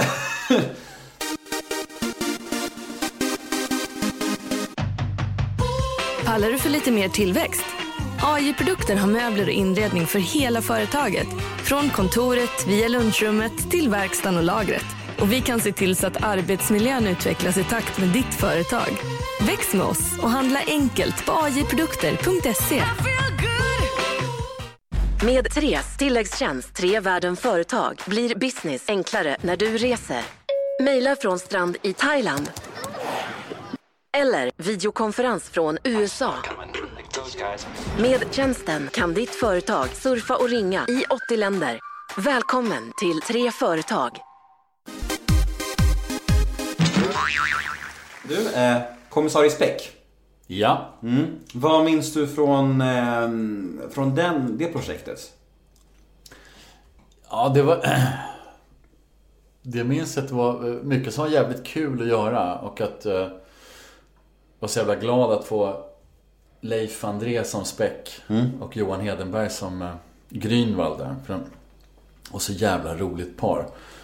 Och, eh, och Leif är ju så jävla duktig också. Han är så jävla älskvärd alltså. Ja, han är ju riktigt bra. Jag måste berätta för dig vad Leif gjorde för mig. Han har varit med här i podden för typ två år sedan. Och så skulle jag ha livepodd en gång, avsnitt 100, skulle jag sända på så här på en bar i Stockholm. Det var slutsålt. Ah, ja. Och en av mina gäster eh, bokade av. Jag hade två gäster och en av gästerna bokade av med en timme till show. Oj då. Ja, jag, var- jag, jag började böla, jag- det var så kaos, slutsålt vet så, här. så jag ringde runt till alla mina gäster liksom, som jag har haft tidigare så här, helt panikslagen. Och Leif bara, jag kommer, jag hoppar i en taxi direkt. Och bara tog taxi och kom och ställde upp. Och det är så jävla, jag tycker det är så signifikativt för Leif André, han är bara så jävla god och fin alltså. Ja, han är jävligt nice. Jag gillar honom jättemycket. Så att, eh, och sen så jävla duktig också. Han har ju ett speciellt sätt alltså när han ska in på... När han ska in på... på om det är på scen eller om det är på, på film. Liksom, och Han är ett superproffs. För det var så Ja. intressant. För bakom scen där på livepodden när han kom där med taxin. Han bara, "Åh, det är mycket folk. Ja, jag är lite nervös. Vad, vad ska jag göra? Och så här, jag bara, vad var det själv? Det kommer bli skitbra. Han bara, ah, vi får se, vi får se. Så bara går han in på scenen och bara slår på det liksom. Och är som superunderhållande proffs. Ja. Och bara, är, alltså, han, det var som show alltså. Ja. Anekdotmaskin och bara körde. Och alla, alla veks av skratt liksom. Och jag bara, hur kunde han vara nervös för en kvart sedan? Ja, nej, det är så jävla roligt. Men han står ju så här kulisserna. Vissa har ju, vissa, alltså alla skådisar har ju olika sätt liksom. Vissa står ju bara laddar och liksom ska in så här. Han, han står och pratar med folk och sen precis innan han ska in då, liksom, han, eh, nu ska spela in en grej så här. Ska han storma in och så står han bara och tänker så här, knulla, knulla, knulla, knulla, knulla, knulla, knulla. Så sen går han. Så står han bara. Det, det är hans, liksom bara så här, han blankar sig själv liksom. Ja. Så här, knulla, knulla, knulla. Ah, han är så jävla speciell alltså. Ja, det är han. Älskvärd. Ja, det är verkligen. Ja. Alltså det var roligt, det var en jävligt eh, rolig inspelning och eh, jobbig såklart. Alltså långfilm är nog inget för mig egentligen tror jag. Men, Nej. men det var kul att ha gjort den där. Um, och den byggde ju på, vi gjorde ju sketcher i Guldbaggegalan under några år. Eh, jag och min kollega. Eh, så att då, och då var kommissarie Speck en av de där sketcherna. Som vi gjorde, vi gjorde ju parodier på. Mm, På riktiga filmer liksom.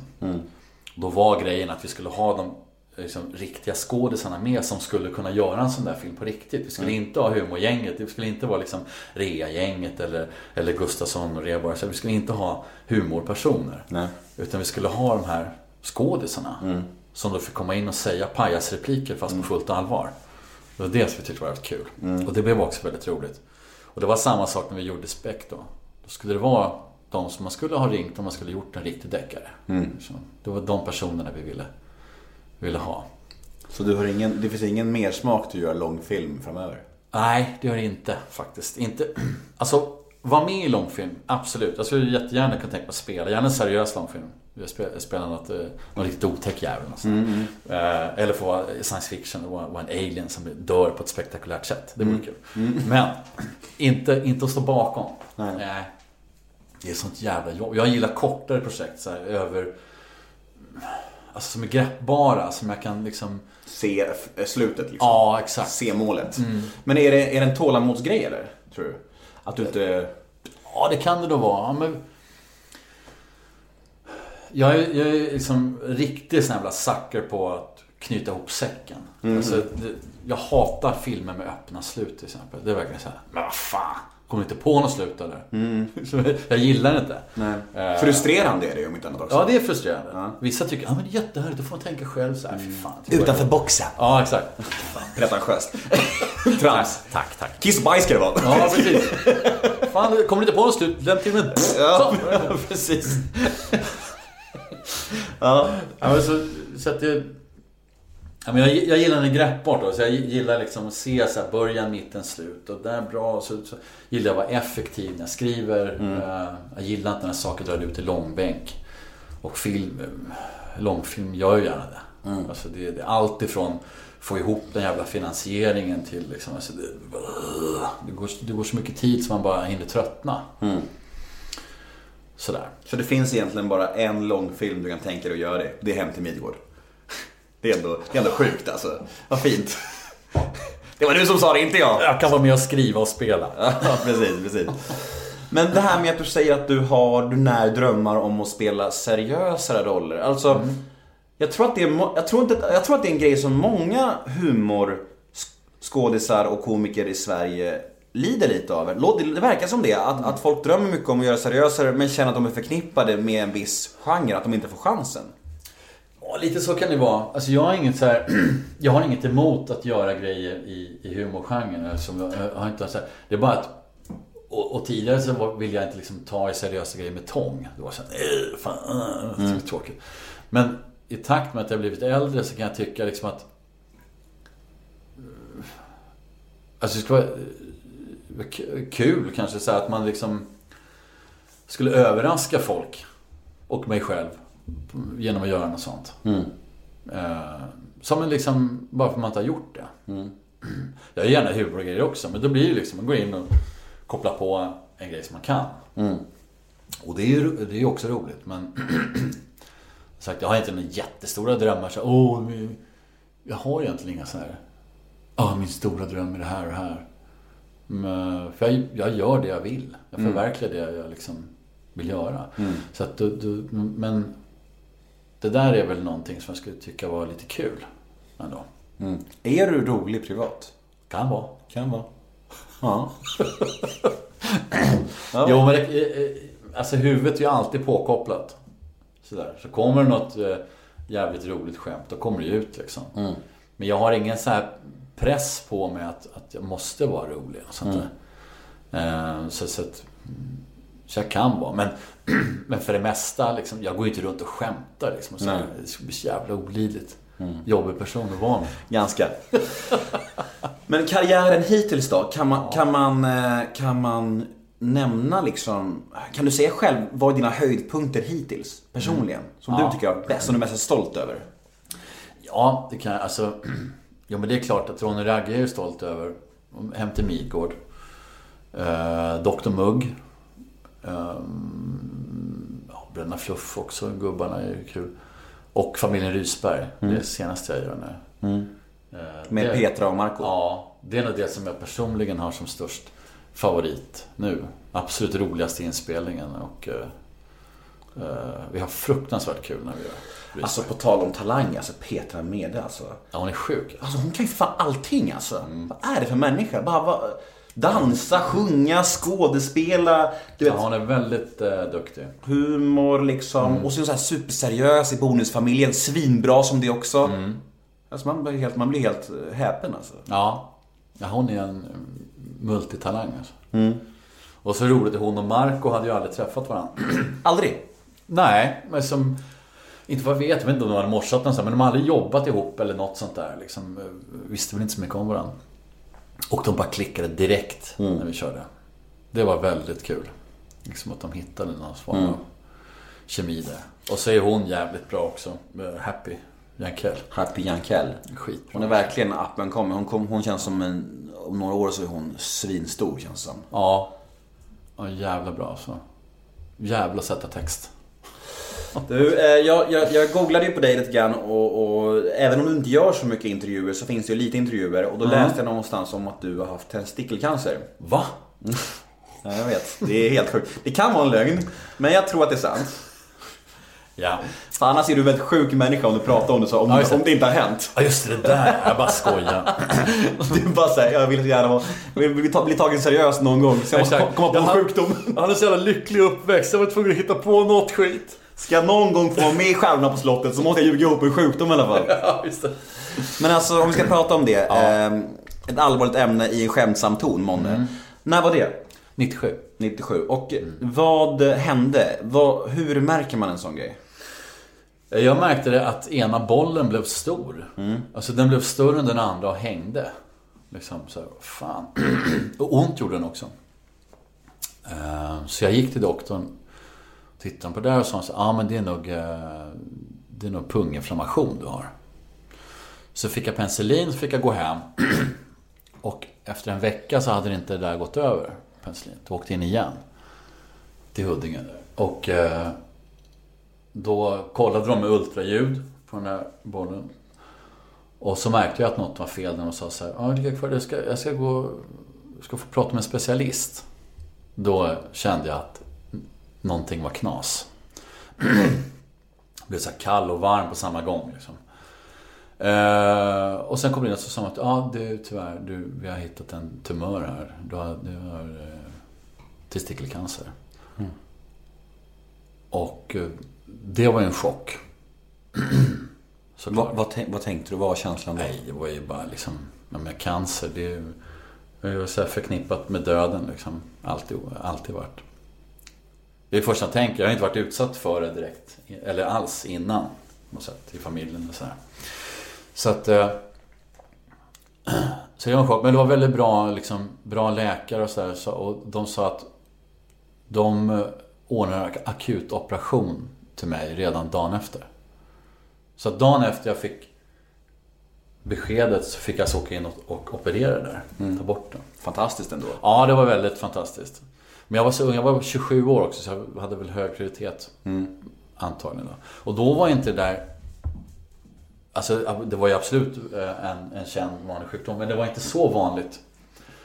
eh, När jag fick det. Men, men från och med det, så, det hände någon jävla boom där. Jag vet inte varför. Det var jättemånga i min ålder och lite äldre som fick det. Trendsättare. Var nog det. Vad fan Fred, Fred, Fan, Fredde det då? Fan vad coolt. Ja, så fick jag operation och... eh, eh, Så jag hann liksom inte fatta så jävla mycket nästan. Dagen efter var ju ena bollen borta. Liksom. Och, och så skulle jag ju åka, och men jag hade ju då lite, jag hade haft, det finns olika typer av testikelcancer och då, och då hade jag det, det finns den som är liksom isolerad till kulan. Tar du bort den så är det fine. Sen finns det en annan typ som är kulan men som har växt in i blodkärlen. Och då finns det ju stor risk för spridning i hela systemet. Då. Och den hade jag tyvärr. Eh, Men på röntgen och så, där så kunde man kunde inte se någonting. Den hade inte gett några metastaser eller någonting. För att det här var väl Det var ett tidigt skede. Så att jag fick då en eh, De ville ändå ge mig en cellgiftsbehandling, en förebyggande. Ifall det skulle vara enstaka cancerceller som man inte kan se. Så jag fick en sån riktig jävla genomkörare. Mm. Tappade håret? Ja, ja, ja. Så jag, det var... Vad, vad hände? Alltså det är så här, man, Alltså- ser, man ser bara sånt på film liksom så här. Ja, det, var, det, det går inte att beskriva riktigt. Det var så... Det var så jävla... Eh, jag mådde så jävla dåligt. Sommar 97. En fruktansvärt varm sommar också. Och... Eh, eh, då hade de sagt till mig då så här att nu kommer jag få då en cocktail. Jag kommer ligga inne en vecka i stöten. Jag kommer få en cocktail av cytostatika. Tre olika. In I olika roliga färger. Eh, Man såg verkligen vilket gift det är. Och så, sa, så kommer jag ihåg den här eh, sjuksköterskan, en kille, den var jävligt bra. Han sa att, att eh, du kommer nu att må jävligt dåligt av den här medicinen. Så du vet det. Men tänk på att det är medicinen du mår dåligt av, inte sjukdomen. Och det satte sig jävligt mycket. Liksom, så att när man mådde som riktigt pissigast kunde man tänka sig att det är, inte, det är inte cancer jag håller på att dö av utan det är faktiskt medicinen som ska rädda mig från den här eventuella cancern jag har. Så att det, det, det, det satte sig väldigt hårt. Och det var väldigt bra att han sa det. Eh, och jag hade ju då, jag, fick, jag kommer inte ihåg hur många gånger jag skulle göra det där, men det var liksom en vecka, sen ska jag åka hem och vila en vecka, skulle komma tillbaka en vecka, ska åka hem en vecka, vila en vecka.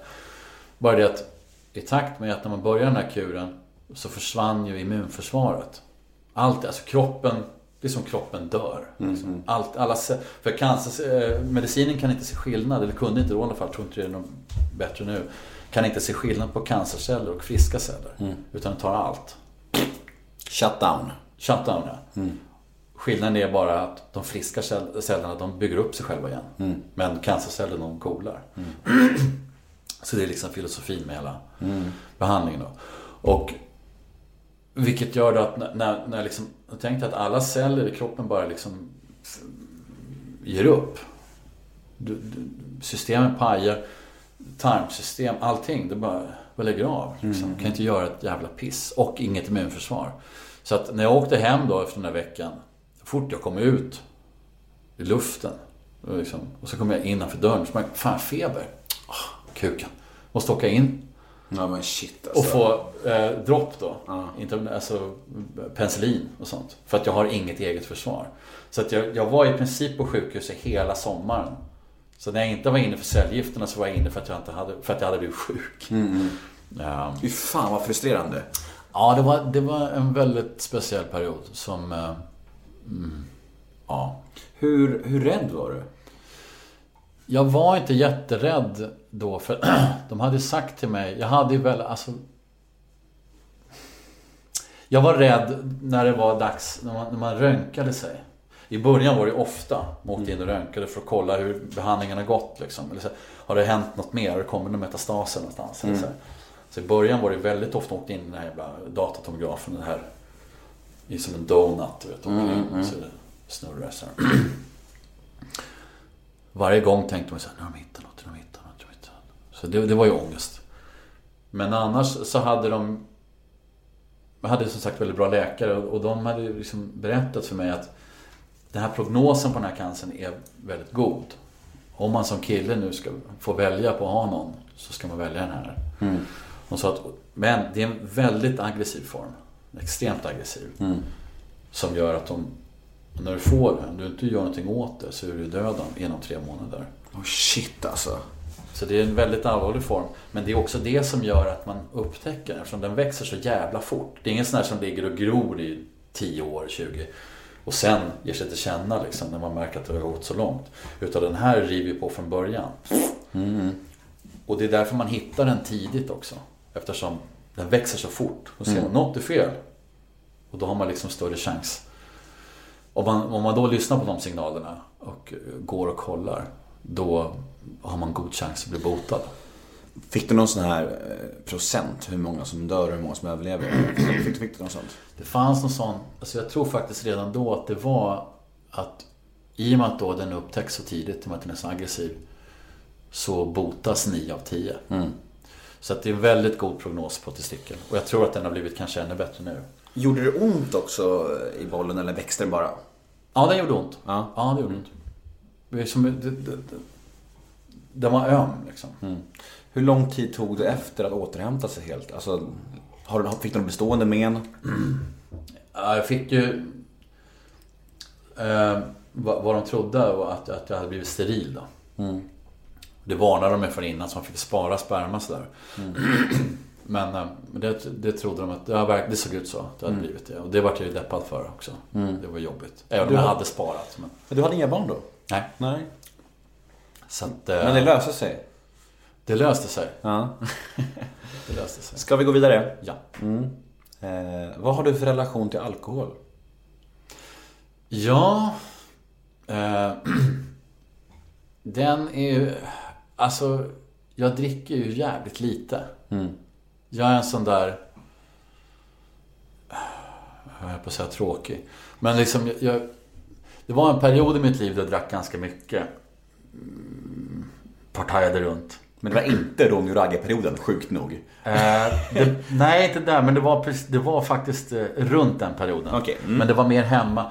Och sen så, ja. Jag har väl partajat runt lite. Men det har varit väldigt korta perioder. Jag drack mycket vin ett tag. Uh, bara. Inte för mycket. Men... Eh, men, men, ändå, men ändå på en nivå som gick att hantera.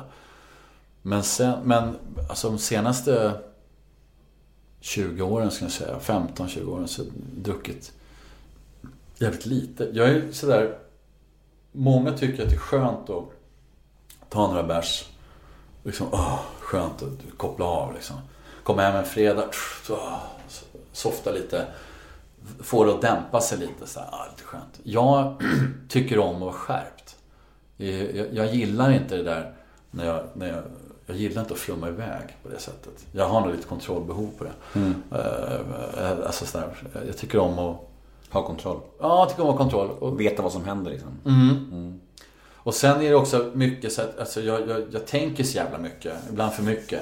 Men liksom mitt jobb går ju ut på mycket att, att skapa saker här inne. Mm. Och det, det, är ofta, det, det, är på hela tiden även när jag är hemma. Och liksom sätter mig och skriver när jag kommer på grejer och sådär. Och, och i mitt fall så dövas det där, det dämpas av alkohol. Jag går inte igång och blir mer kreativ. Mm. Så att jag, jag, eh, jag dricker som sagt jag är inte, jag är inte absolutist liksom, det är jag inte. Men, men jag skulle inte liksom gråta, gråta blod om alkohol blir förbjudet imorgon. Då skulle jag tycka såhär, ja, ja. Mm. Ta en cola istället mm. Så att jag, jag, har ett väldigt sådär oproblematiskt förhållande till alkohol. När var du aspackad sist? Ja, det händer ju då ibland. Eh, och det... Alltså jag blir så jävla sjuk. Är det så? Ja. Jag, du, du menar bakis eller? Ja. ja. Jag, om, jag, om jag tar en riktig jävla bläcka alltså. Ja. Då är jag dålig en hel vecka. Ja. Då måste jag boka. En bläckad däcka-vecka. Ja, precis. Så kan, jag vet det. Bläcka, inte jobb på en vecka. Ja. Bra.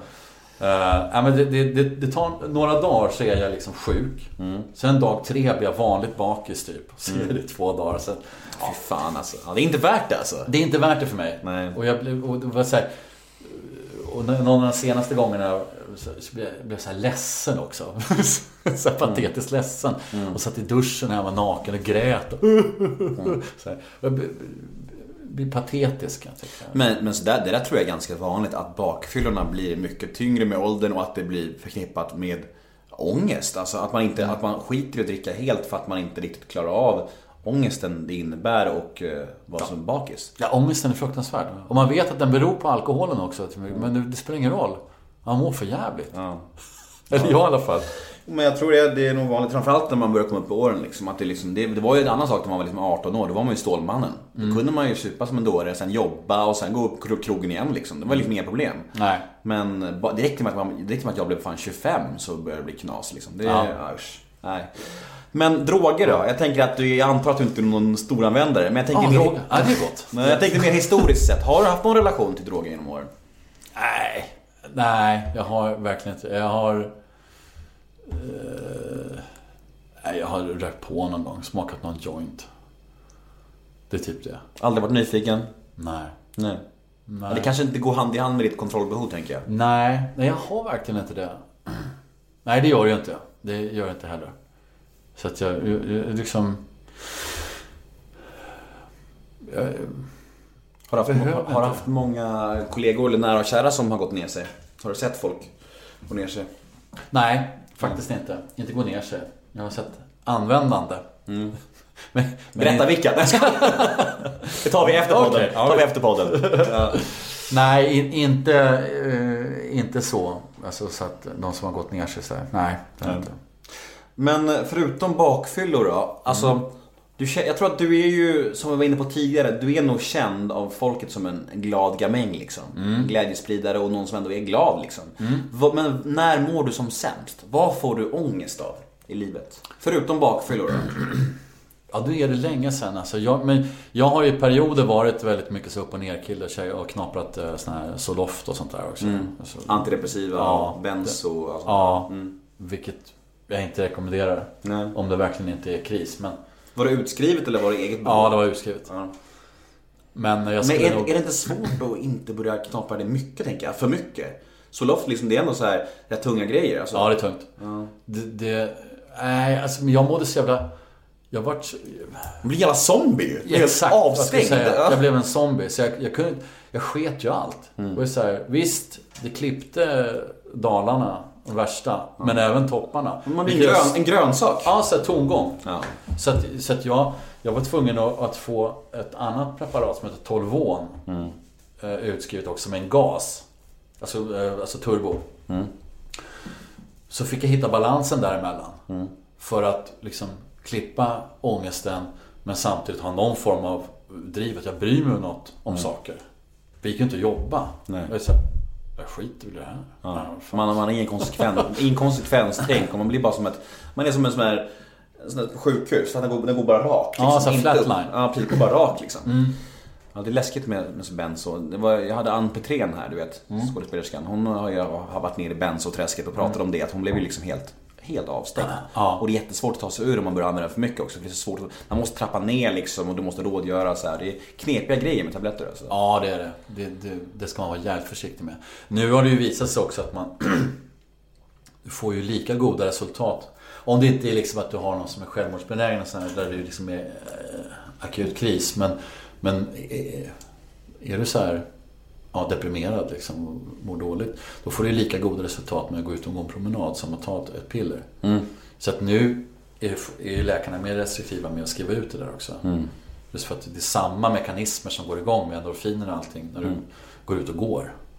Lite- Det var lite kontroversiellt förr i alla fall att skriva ut promenad istället för Ja. medicin. Ja, men man- ibland tänker man ju att det, det skrivs ut så jävla lätt saker och för mycket. Ja. Det proppas i folk och det ska vara diagnoser och mediciner. Det bara så här, folk borde chilla lite mer. Ja, jag håller med. Det, det, det går lite... Det går lite trend i det. Alltså det... Ja. Nej men ångest, det, det, kan man ju få mycket liksom. Men, men nu har du... Faktum är, sen, ja, sen jag träffade min nya fru så har inte jag haft ångest någon gång. Nej. Eh, och det är ändå snart, ja vad är det, 2009. Mm. Det, det, Är, hon, är hon fin? mm. Är hon fantastisk? Mm. Hur träffades ni? Vi träffades på Hell's Kitchen halv fyra en morgon. Är det sant? Såklart ni Så gjorde. jävla dåligt. Du stod med ett gäng, med ett gäng benzo i handen. jag skojar bara. Fan, Just det. Vad hemskt. Ta de här, häng med hem älskling. Så var det ni liksom. Ja. Okej, vad fint. Så att, eh, Hur länge hade du varit singel då? jag har varit singel typ ett halvår. Så att, eh, Så att, eh, var ute, och då hängde jag på krogen en del, av förklarliga skäl. Det gör mig, det är en sån period liksom. Jag var ute och söker något. Och du hittade? Och hittade. Du ser. Vad tror du är den största missuppfattningen om dig? Ja, men det är att, att, eh, att folk behöver bygga liksom så här ett, ett skyttevärn av sandsäckar om jag ska komma på besök. Eh, Att jag är liksom helt jävla galen. Det är den största missuppfattningen. Och det har mig själv att skylla också. Det, det är väl typ den framt, det, det man tror man ser. Mycket av det jag har gjort. Så att... eh, Och när du smsar också så byggs, så byggs ju det på kan jag säga. Jag bara, nej, här har vi en goofy man. Han kommer att vara goofy i mitt hem alltså. Fan alltså. Ja, nej, fan, jag är betydligt mer stillsam än så. um, Men, men rollen som... här. eh, Vad sa du? ja, det är mycket här inne. Ja. Det är, mycket, det är kaos här inne. Ja. Alltså, så att, det är därför jag, jag behöver ju ha väldigt, väldigt snyggt omkring mig. Eh, när, när jag, Det är så kul att du kollar runt det här. Vi sitter hemma hos mig i mitt kök här i Hässelby och, och, och jag har ungefär sju ton disk här. men det är gammal pommes frites där i... Uh, Ja. Men jag, men jag gjorde faktiskt hamburgare med pommes frites igår kväll. Ja, så den är bara från igår? Ja, ja, ja. ja. Då kan, vi, kan Du ta kan ta några om du vill. Absolut. Det- Vi kan ta efter. Du får, du får snacksen efter intervjun. Topp. Topp. Ja. jag behöver liksom ha, ha så här väldigt ordning runt omkring och det tror jag också har att göra med den här jävla ramen jag tjatade om förut. Att, Mm. att jag, det, är ganska snurrigt här inne i huvudet. Alltså, det är mycket där, Mm. far och susar. Eh, så jag försöker hålla, liksom, hålla, hålla koll på allihop där inne. Eh, och då hjälper det mig att ha väldigt ordning omkring mig.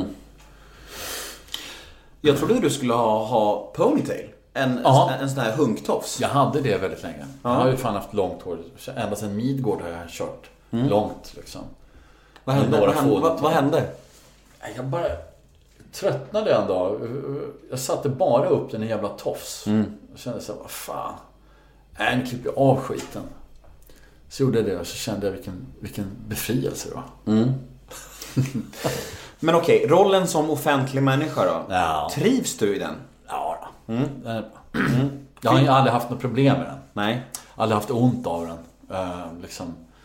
Folk är väldigt snälla liksom. De kommer fram sådär. och Tycker att man har gjort kul grejer. Så Mm. det kan man ju inte bli... kan man inte tycka är dåligt liksom. För sex eller sju år sedan så kom jag fram till dig på Rish. Jaha. och berömde dig. Du satt där själv med en öl och han, jag tror att du väntade på någon, det kändes som det. Och jag var, jätte, jag, jag, jag var jätteblyg och jag kom fram och hyllade det du har gjort och så här. Då tackade du artigt och så här. Men, och du var, du var inte så jätte, lite tillbakadragen så här. Eh, Och jag, jag bara så här, jag måste ta emot till det, jag måste hylla honom så här. Men jag bara, här sitter han och ensam super. Nej men du var artig, du var artig. Eh, Ja, bra. Vad skönt. Ja, det här var jobbigt annars va? Ja. Och då det bara, nej du bad mig att dra. Du bara, vem är du för snorunge? Jag sitter och dricker bärs, gå härifrån!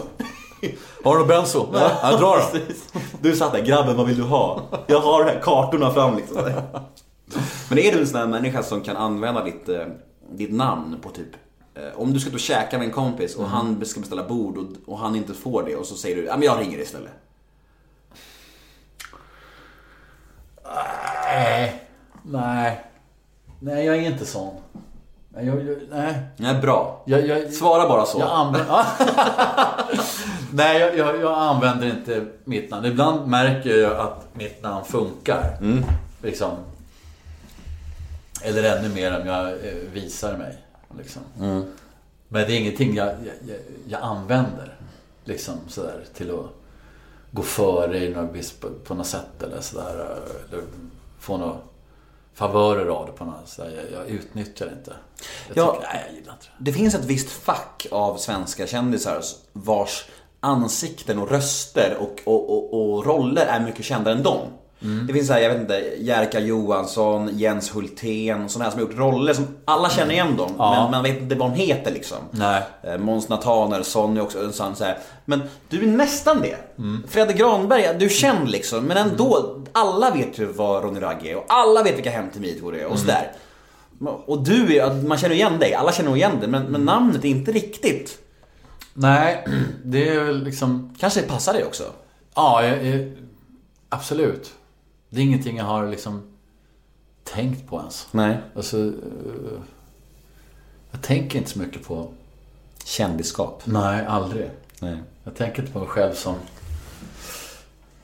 Hur är mitt varumärke? Vad ligger jag här? Som- Ja men, men om du är ute med din dotter då som är 13 år och, och hon, märker inte hon av? Att, Jo, jo, det gör. Ja. Vad säger hon då? Ja, hon kan tycka att, det- att tycker det kul, men det hon är ju i den åldern där allt är jävligt pinsamt. Ja. Om någon vill ta en selfie med dig, då är det bara, åh döden liksom. Ja, det, eh, om någon av hennes polare skulle se det, nästan, det skulle vara jävligt jobbigt liksom. Och nu, om vi åker tunnelbana någon gång eller sånt där ihop, liksom, då får jag får hålla käft alltså. Jag får, jag får inte, fan inte göra någonting knasigt. Alltså, jag, jag är lite så, så, alltså restriktioner föder saker i mig. Ja. Så att jag blir lite såhär... Ja, jag förstår, jag förstår. Och då, jag, är bara, jag är bara värre alltså. Du blir Så sådär jag- trotsig och du, Ja. du, du blir som ett barn själv. Exakt ja. Och Jag då- måste göra det! Ja, ja. då dör ju hon. Liksom. Ja. Du gör, du gör ett pruttskämt för några främlingar och sådär. Men, Ja, det skulle hon ju fan inte klara. Alltså. men alltså, har hon, har hon sett eh, typ dina grejer du har gjort? Ja, då, det har hon. Tycker hon att det, Hon vet. är hon stolt? Ja, det tror jag. Mm. Hon tycker det är kul. Hon har väl liksom inte hårdkollat direkt, men... Men hon vet alltså det, är- det är ju mycket, många så här killar i hennes klass som kommer fram som liksom hittar Ronny Ragge på nätet. Så, här, Din farsa. Ja, roligt tycker jag. hon, tycker, hon tycker att det är roligt liksom. Ja, jag fattar. Men, eh, ja. Du, jag har ett segment i min podcast som heter ett ord om. Mm. Ja. Det går ut på att jag säger fem stycken svenska kändisar Mm. som brukar eh, skapa reaktioner. Och du ska säga första ordet som kommer i ditt huvud när du hör namnet. Ja. Är du med? Japp. Alex Schulman. Ja, kul. Marcus Birro. Har ingen relation till. Fan. Men skriver bra. Det är inte ett ord, men det är okej. förlåt. Nu- Det är okej. Ja. Sara Larsson. Lite arg va? Jimmy Åkesson. Nej. Leif GW Persson. Ja, kul. Det vart ju fan inte ett ord, det är ju värdelöst. Men det är många som har svårt för det kan jag säga. Det är väldigt, jag försöker vara supertydlig med vad som gäller men ändå ska alla svara så här tre, fyra ord på varje. Man bara, fan, vad är fel på folk? Kan de lyssna på vad jag säger bara? Ja, nu har vi ett gäng eh, läsarmail här. Ja. Läsarfrågor. Eh, Åh, Fredrik Granberg, Sveriges roligaste människa. Hur känns det att vara så omtyckt av så många men aldrig direkt få någon cred i media? Skulle han vilja vara mer seriös? Hur ofta kommer det fram folk till honom på stan och drar Ronny Ragge-referenser? Det är flera frågor i en där. Ja, jag märkte det. Du kan börja där, eh, där med vara så omtyckt och inte få någon cred. Ja, alltså... Måste ändå säga att jag tycker att jag får cred. Ja, här, nu av mig om inte ja, annat. Ja, absolut. Men i media var det va? Ja. Media. Jo, men. Jag, jag tycker ändå jag får min beskärda del. Jag har, jag har inte tänkt så jävla mycket på det faktiskt, om jag ska vara ärlig. Det är mer... Ah. Alltså jag vet ju att det har varit genom åren så har det varit liksom mycket att Folket har ju gillat, alltså i princip om man ska hårdra det, folket har gillat det jag har gjort. Och i viss mån media. Men, men jag har ju samtidigt varit liksom inte varit kritikernas guldgosse liksom. Eh, sådär. Och, och, och det, jag bryr mig inte om det. Jag gjorde det i början mer. Men sen blev det så här skitigt. Uh, särskilt när det blir så personliga påhopp och sånt. Man kan tycka liksom att man kan hålla sig till det man gör. Inte där man är. Men... Uh, nej, jag vet inte vad jag ska svara. Jag, ty- jag tycker att det är roligt när folk visar sin uppskattning. Där. Och det, det, det har jag varit med om väldigt mycket genom åren. Och det känns som att, jag, jag kan inte tala för dig, men att det är ju roligare att vara hyllad av folket än av kritiker. Absolut. Det är det. Ehm, Helst både och dock. exakt så. Ja. Och, och, och bakade in något mer här. Eh, Skulle han vilja vara mer seriös? Vi har, vi har, vi har pratat lite Ja, om vi det. pratar lite. Alltså inte, inte vill vara mer seriös, men jag skulle vara kul att göra någon seriös grej någon gång som eh, till skillnad från all goofy. Men jag läser sagt mycket ljudböcker eh, och då läser jag en hel del deckare. Och det är ju roligt. Där är jag ju någon helt annan. Så det, det kan ju folk gå in och lyssna på om de vill eh, höra något lite mer seriöst. För där, där är det liksom, det är jättekul ja. Lite- Läsa om smaskiga mord och grejer och så. Du, du kanske får läsa in min, du kanske får läsa in min bok. Ja, det gör jag gärna. Hemskt gärna. Kan ju snacka om det sen. Ja, för fan. Visst. Vi kan ju snacka om det över pommes frites. Gärna! fan vad gott den ligger där. Alldeles torr och Ja, härlig. det är skitäckligt. Uh, hur ofta, eh, just det, var, det var en tredje fråga här i första frågan. Eh, hur många, hur ofta kommer det fram folk på stan och drar referenser från Ronny Ragge? I, I Stockholm inte jätteofta. Eh, om jag åker till en mindre stad ganska, ganska mycket. Det räcker faktiskt med att åka till Göteborg så är de mycket mer öppna. Så vad är det där? Ja, det- det... är ju samma sak för mig. Jag har ju inte alls samma kändisskap som du. Men det räcker med att komma till en småstad så är man plötsligt känd. Jättemärkligt, jag förstår inte. Ja, ja. Det känns som att i Stockholm så är det kanske är dels för att alla är kända i Stockholm. De är så luttrade av att ha sett så mycket kändisar att de inte bryr sig. Ja. Eller att de respekterar folks privatliv mer. Jag vet inte, vad tror du det beror på? Ja, men jag tror det, det är någon blandning av allt det där faktiskt. Alltså det, dels tror jag man är, vill vara lite mer anonym i en stor stad. Eller så här större stad. Att, du- lite mer, man, man håller på sitt liksom. Och man tänker att ja, man, man är lite coolare. Så här, ska inte vara så här mm, hoppa på folk och liksom säga att de är, ja, jag, ty, jag tycker du är så jävla kul liksom. Det är pinigt liksom. Det är jobbigt, vill man inte göra. Eller så vill man inte störa. Ja, precis, exakt. Ungefär som jag gjorde på Rish på dejt då. Ja, exakt ja. Sån jävla idiotgrejer liksom.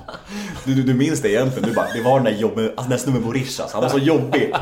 Jag ville bara njuta av min bärs. Ja, det. Kom han och terrade mig. Frågade om benzo. Okej, dagens brev nummer två. Ja. Driver du något bolag? Eller vad gör du annars när du inte skådespelar? Ja, driver bolag. Min eh, vän och kollega eh, Thomas som jag pratade om förut med Hem till Midgård och så här, hängt med väldigt länge. Vi har ett bolag som heter Dream Castle. Eh, Drömslottet. Och där eh, vi skriver och hittar på tv-program och säljer in till kanal. Hur går bolaget? Bra. Det går bra. Så har jag ett annat bolag också. Ihop med min farsa som heter Granberg Granberg. Där jag liksom gör andra saker, ljudböcker och lite sånt där. Dagens brev nummer tre. Ja. Hej Fredde! Du och Johan Pettersson är Sveriges roligaste människor. Kan inte du berätta om er relation? Ja, tack, tack. Eh, ja, vi, vi träffades i mitten på 90-talet. Eh, började jobba ihop då. Eh, och har gjort jävligt mycket knasigt ihop. Bröderna Fluff bland annat. Han spelade Flintkalle. Och sen spelade han Kapten Filling i eh, Dr Mugg. Ett pucko. Ett eh, slags föregångare-pucko till Runar i eh, Hem till Midgård. Johan får ofta spela väldigt puckade karaktärer. Jag undrar... Det kommer naturligt för Johan. Märkligt. Ja, verkligen. Eh, och så här, nu har vi inte gjort så mycket på senare år här. Men, men eh, mm, jag är med lite i hans nya serie eh, och leker lite. Mm, sådär, så att vi har ju väldigt kul. Johan är väldigt härlig kille. Lite lärartyp sådär. Är ni kompisar skulle du säga? Nej, vi umgås inte privat. Jag, jag umgås knappt med några i branschen. Alltså sådär. Du, du, du har mycket så här arbetsrelationer. Mm, jag förstår. Det, det, är mycket, det är mycket det. Jag jobbar ju så mycket så det, det blir ju liksom ofta det som man, träffas om liksom. Mm. Det är något nytt. När, när, kommer, när kommer serien som, som han gör, som du är med i lite grann? När kommer den? Vad fan kommer den då? Borde väl komma nu... Vad är det nu? Ja just det, nu någon gång i vår tror jag. Ja. Spännande. Ja. Dagens brev nummer fyra. Ja.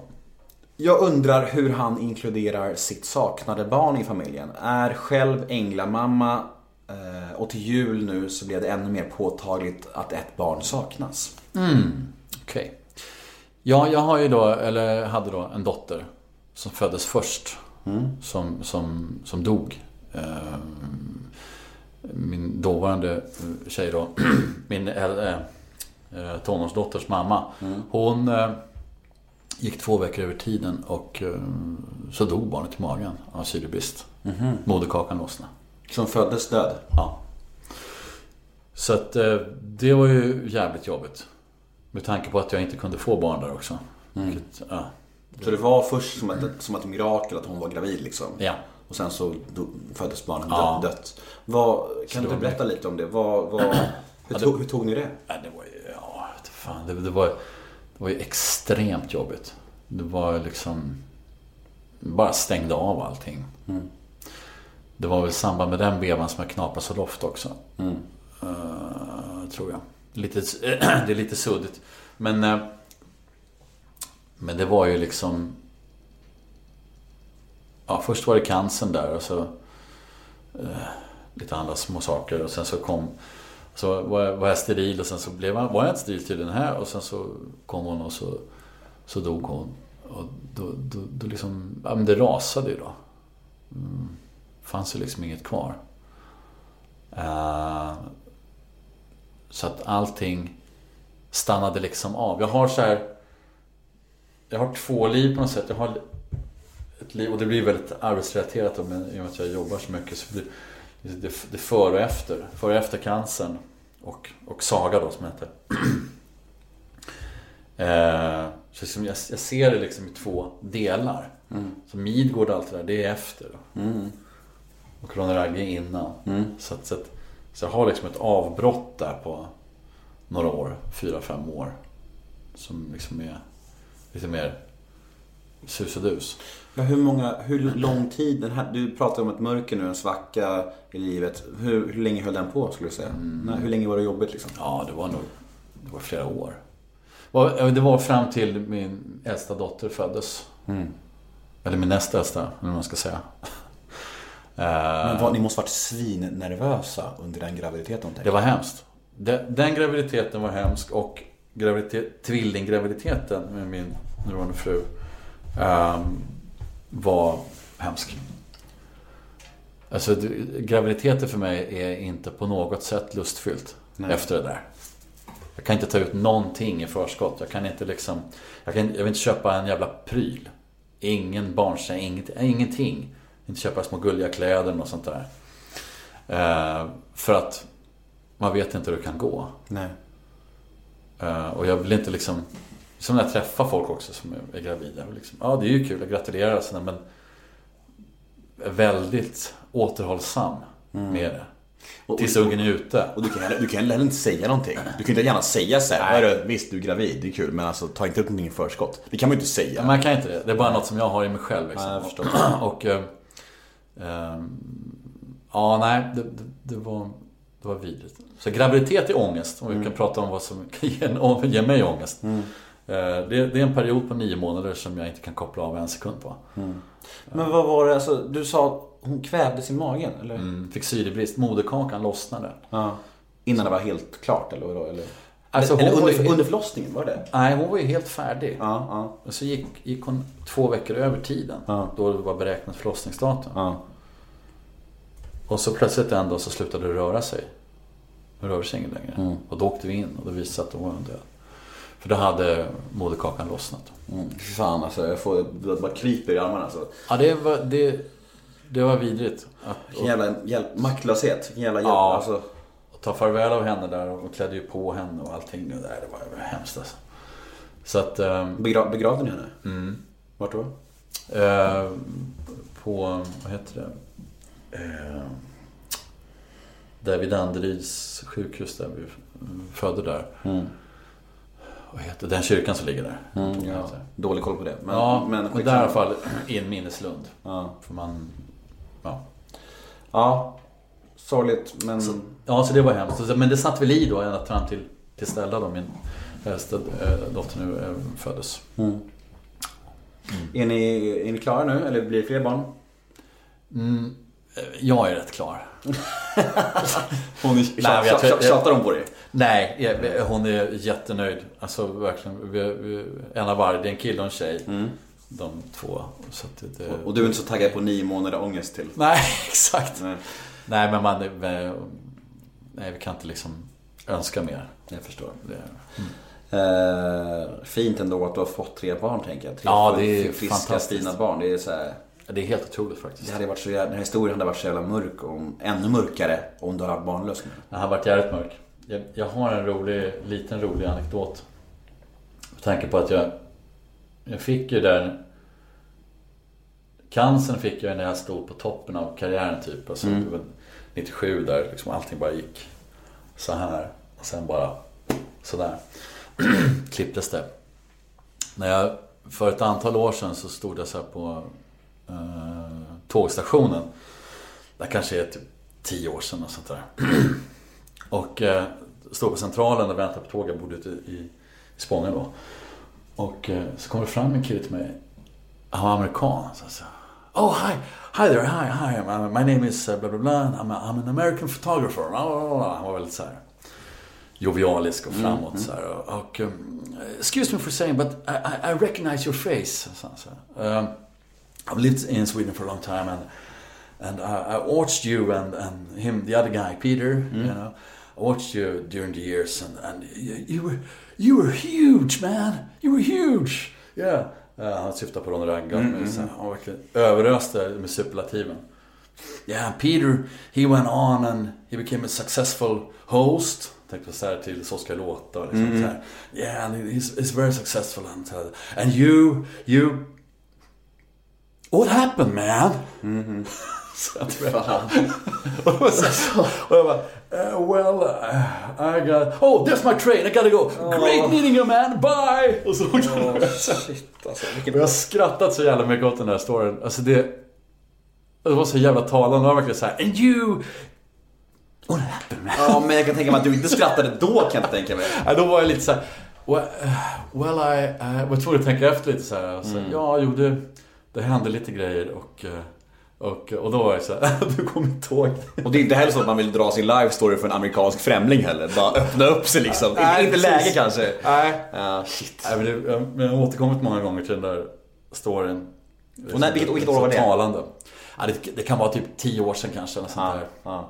Då hade du ändå fått lite rullning igen eller? Mitt Ja, det hade jag. Ja. Det, hade, det hade varit värre om det var typ när, mitt i din misär. misär. Ja. Då hade det varit katastrof. den Ja, det hade, det hade varit eh, absolut. Sparka på någon som ligger verkligen. Ja. Nej. Jag tror att historien inte var då i alla fall. ja, vi går vidare. Eh, dagens brev nummer fem. Hej Ja. Fredde, tror du att Ronny Ragge hade funkat i dagens PK-samhälle? Ja, det där är intressant. Jag vet inte. Jag vet inte om vi hade fått... Men det hade nog... Vi hade nog gjort det då typ på så YouTube eller någonting. Tror jag. Alltså... Så hade vi kört loss. Och jag tror att det hade funkat. I alla fall ute i landet. Jag tror det. För att... eh, det är mycket PK, men det är framförallt i storstäderna. Alltså jag tror att det, det, det är inte så, folk är inte så jävla PK ute i landet. Nej, jag tror inte riktigt heller. Eh, sådär. Och jag kan tycka själv att, alltså visst, vissa saker säger man inte, vissa saker gör man inte av ren hyfs och sådär. Men, men jag kan tycka liksom att det blir jävligt skitnödigt ibland. Det är så lättkränkt nu. Man kan liksom knappt, du kan ju knappt säga någonting. Det kommer alltid finnas någon som blir ledsen eller irriterar sig över någonting, vad man än säger. Liksom. Så att, Jag tycker det, framförallt för er, lyssna. det måste vara svårt att göra humor. Det är omöjligt att göra humor om du ska lyssna på, om du ska lyssna på alla som säger så här, nej man kan inte prata om det, inte prata om det, inte prata om det, då finns det inget kvar. Sen gäller det att göra allting med finess också. Alltså, du kan ju du kan skämta om precis vad fan som helst.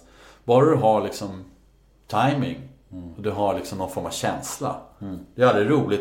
Ett plumpt skämt är aldrig kul. Det, Så är det ju. Men liksom det ska mycket till innan man inte ska kunna skämta om någonting bara för att det inte är PK. Alltså, det, det, man måste kunna skämta om saker. Annars, är, annars blir det för jävla tråkigt. Alltså. Verkligen. Jag instämmer.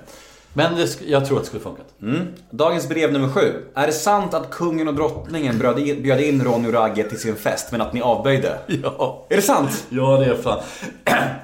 Jag kommer inte ihåg det här särskilt bra. Peter gör det mycket bättre än vad jag gör. Men det byggde i alla fall på att de ringde från, ringde från något, något ställe och ville boka oss. De sa att det var från, från hovet. Och vi trodde att de bara drev med oss. Så vi avböjde, men det var, det var på riktigt tydligen. Och det bara, liksom, det bara cementerar bilden av kungen som en riktigt skön partyprisse som bara Absolut. Ta in Ronny och Ragge för fan! Ja. Nu ska vi festa! Jag har aldrig träffat kungen men jag tror han är, jag tror han är Råskön. jätte, jättekul alltså. Ja, ja, det tror jag. Man är, alltså, och alla jävla historier man hör, allt lär vara sant. Man tänker det. Alltså det är ju prostituerade, det är sprit, det är säkert droger också. Han bara kör. Jag tycker, jag tycker det är lite härligt. Jo, men jag, jag tycker också det. Jag tycker, ja. Dagens brev nummer nio. Får du ofta höra att du är lik Max Martin? Ja, nu på senare tid har jag faktiskt fått höra mycket. Jag har sett, det var här lika som bär och sen Sen har det varit ganska mycket snack om det. Nu är jag dock inte lika lik när jag har klippt mig. Men eh, när jag hade långt barr och skägg, då var det fan likt alltså. Ja, bilden jag la upp på dig på min Instagram, där är du väldigt lik. Ja. Du är hunkig vill jag säga också. Ja. Man blir ju lite hunkig med en sån här tops. Jo, man blir det. Automatiskt. Man blir det. Jag tänkte jag kanske kan åka till, eh, till Los Angeles någonting och utge mig för att vara Max Martin och Ja. Det till låtar och sådär. Men det kanske är dags. Och folk bara, vad fan, sounds like shit man, what happened? Rara söta Anna. Nej just det, det var ju Christer Sandelin som skrev. ja, det var. Men ni skrev texterna? Vi skrev texten. Ja. Och Christer skrev eh, musiken. Ja. Hur mår han nu för tiden har ingen aning, jag har inte pratat med Christer på skitlänge. Jag gjorde någonting med honom på början på 2000-talet. Men, eh, men nu, nu var det länge sedan. Ja, det är ju en själ som, som går lite upp och ner. Man är nyfiken på hur han mår. Jag måste kanske bjuda in honom till podden. Gör det. Jag, jag, jag vet inte. Jag, vet, jag känner inte Christer så bra. Men... Nej. Dagens eh, brev nummer 10 och det sista brevet. Ja. Eh, Fredde, jag älskar dig. Stämmer det att du och Markoolio är nära vänner? Berätta om er relation. Eh, ja, vi är vänner. Alltså nära vänner. Jag vet inte. Vi umgås ju inte direkt. Eh, sådär. Men, men, men, vi har ju jävligt kul när vi ses och, och jobbar ihop. Han gillar ju att kröka. Eh, ja, gillade kanske Gillade, mer. ja, jag vet. Alltså, Sen, han han, han, han blev också en familjefar till slut. ja, Ja. jag tror inte han spottar i glaset men det är inte som det var förr. Nej. Så att, eh, Där fanns det historier kan jag ju säga. När jag, Eh. när jag poddade med honom. Ja. Alltså vilka jävla rövarhistorier. Han men levde. absolut. Han, levde. Han, han, och han kommer ihåg saker också. Han Ja. berättar. Men du kommer inte ihåg någonting på grund av alltså loft. Det är det. Ja, men det, tack. Ja. Då, då har vi en anledning. Men det är ju det. Ja. Men av, alltså, av Benzo så får du ett kastminne. Ja. Mm. Det är så. Så det, det måste vara förklaringen. Men jag tycker du har berättat jättemycket bra saker. Så det här är, det är inget att skämmas över den här insatsen. Ja, men vad bra. Nej. Ja men du Marco, han är en... Ja, ja men han är skön. Han är, han är rolig Marco. Han är jävligt, eh, väldigt snäll. Eh, Och du har regisserat några av hans videor va? Musikvideor? Ja, bör, du gjorde ju de första videosarna. De första sju tror jag det var. Eh, vi la till fjällen och, och sån här. Åka pendeltåg. Och. Det var lite så vi började jobba ihop. Eller rättare sagt, vi började absolut först. Jag regisserade en serie som heter Annorlunda sagor för TV4 1998 var det. Och då var, var, var Marco med som statist i, eh, i den serien. Han var med och gjorde lite grejer så här. Och, han kände Han var kompis med Skriptan. Så han var med där, så vi spelade in. Och det var en sommar, sommaren 98 tror jag. Och sen när vi åker till, till jobbet så här på morgnarna så plötsligt börjar det spelas en låt i radio som heter Sommar och sol. Av, av Markoolio. Vad fan? Just statisten. Jaha, så det var innan han slog igenom? Ja, visst. Vad fan i helvete. Statistjäveln gör en låt som heter Sommar och sol som är tydligen värsta hitten. Ja. och, och det var ganska roligt då, för han hade ju den här, höll på med det där samtidigt då. Eh, ja, jag var inte med med det, det var ju kul. Och sen när inspelningen var klar och så var det, blev det vinter tror jag. Och så var jag på ett ställe så skulle Marco göra en ny låt som heter Vi drar till fjällen. Så sprang han på mig, vi sprang på varandra på, på, på någon krog. Så kom han ihåg det här med liksom, mm, att han har varit statist och allting.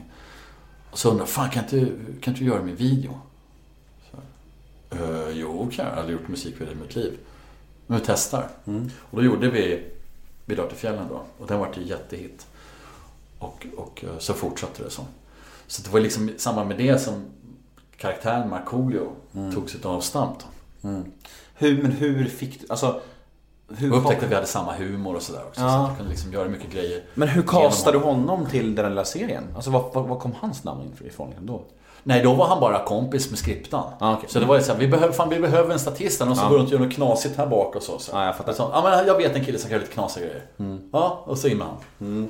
Ja, men man upptäckte att det hade lite samma humor som Marco. Så att när min karriär, eller karriär, men när jag liksom efter, det här var ju precis efter min cancer. Då var det typ det första jag gjorde, de här sagorna efter cancern.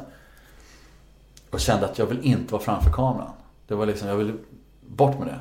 Det var någonting, det, det, det, det hände något där. Så att jag... När jag upptäckte Marco då så var det liksom... Kunde liksom använda honom och göra de grejerna som, som om det var jag själv som skulle gjort det nästan. Så det blev liksom som... Du levde jag ut gjorde- genom honom? Ja, typ. som genom en kanal genom honom på den hela vänster. Lite Utlopp genom honom liksom? Ja men faktiskt. För att jag märkte att det var liksom liknande typ, lite så här oborstat och... Mm. Så det var så det började. Liksom. Det var rätt kul. Ja. Ja, alltså vi börjar bli klara. Jaha, fan. Ja, eh, jag tänker sista frågan. eh, Drömmar och framtid. Vad finns kvar? Vad vill ha? Alltså, vi har snackat lite om det. Det här skulle vi göra lite seriösare kanske. Men har du något mer som du känner att du... Ja. Vad ligger i pipen för Fredrik Granberg? I pipen för Fredde Granberg ligger just nu att göra säsong 4 av Familjen Rysberg. Och, och läsa in fler ljudböcker som jag tycker är skitkul. Eh, Och ett avkopplande. Ehm, och ja, diverse projekt som jag håller på och skriver på. Eh, kanske en och annan bok också. Kanske blir skriva en egen bok. Jag jag har skrivit ett gäng barn, barnböcker sådär. Så. Eh, Men annars, det, är liksom, det rullar på. Jag har ganska långt planerat framåt. Jag vet vad jag ska göra. Och jag, jag trivs rätt bra med det. Eh, Och jag lyckas på något sätt genomföra nästan det mesta som jag kom på och vill göra. Så att jag, jag tutar på med det. Så jag har inget så här hem- Living the dream. Living the dream, ja. Lite så. Och så ska vi se vad vi kan göra med den här crowdfundingen också eventuellt. den här kickstarten. till, till Midgård, the movie. Ja, Midgård the Movie, där har vi det. Eller en ny säsong räcker för mig. Jag ska fan ta tag i det. Okej. Du, jag är super, super glad och tacksam att du ville komma hit. Roligt, det var jättekul. Ja, jag tycker det var ett supertrevligt samtal. Jag tycker vi fick med alltihop. Både allvar och skratt liksom. Cool. Mm. Och du, du dissar ju sociala medier så man kan inte komma åt det på något sätt. Nej. Men vi säger så här. Jag heter Nemo Hedén på Twitter och Instagram. Hashtaggen är NEMOMÖTER. Gå in och gilla oss på Facebook. Nemo möter en vän heter vi där. Och så säger vi tack till Fredrik Granberg. Tack och bock! Hej då! Hej då!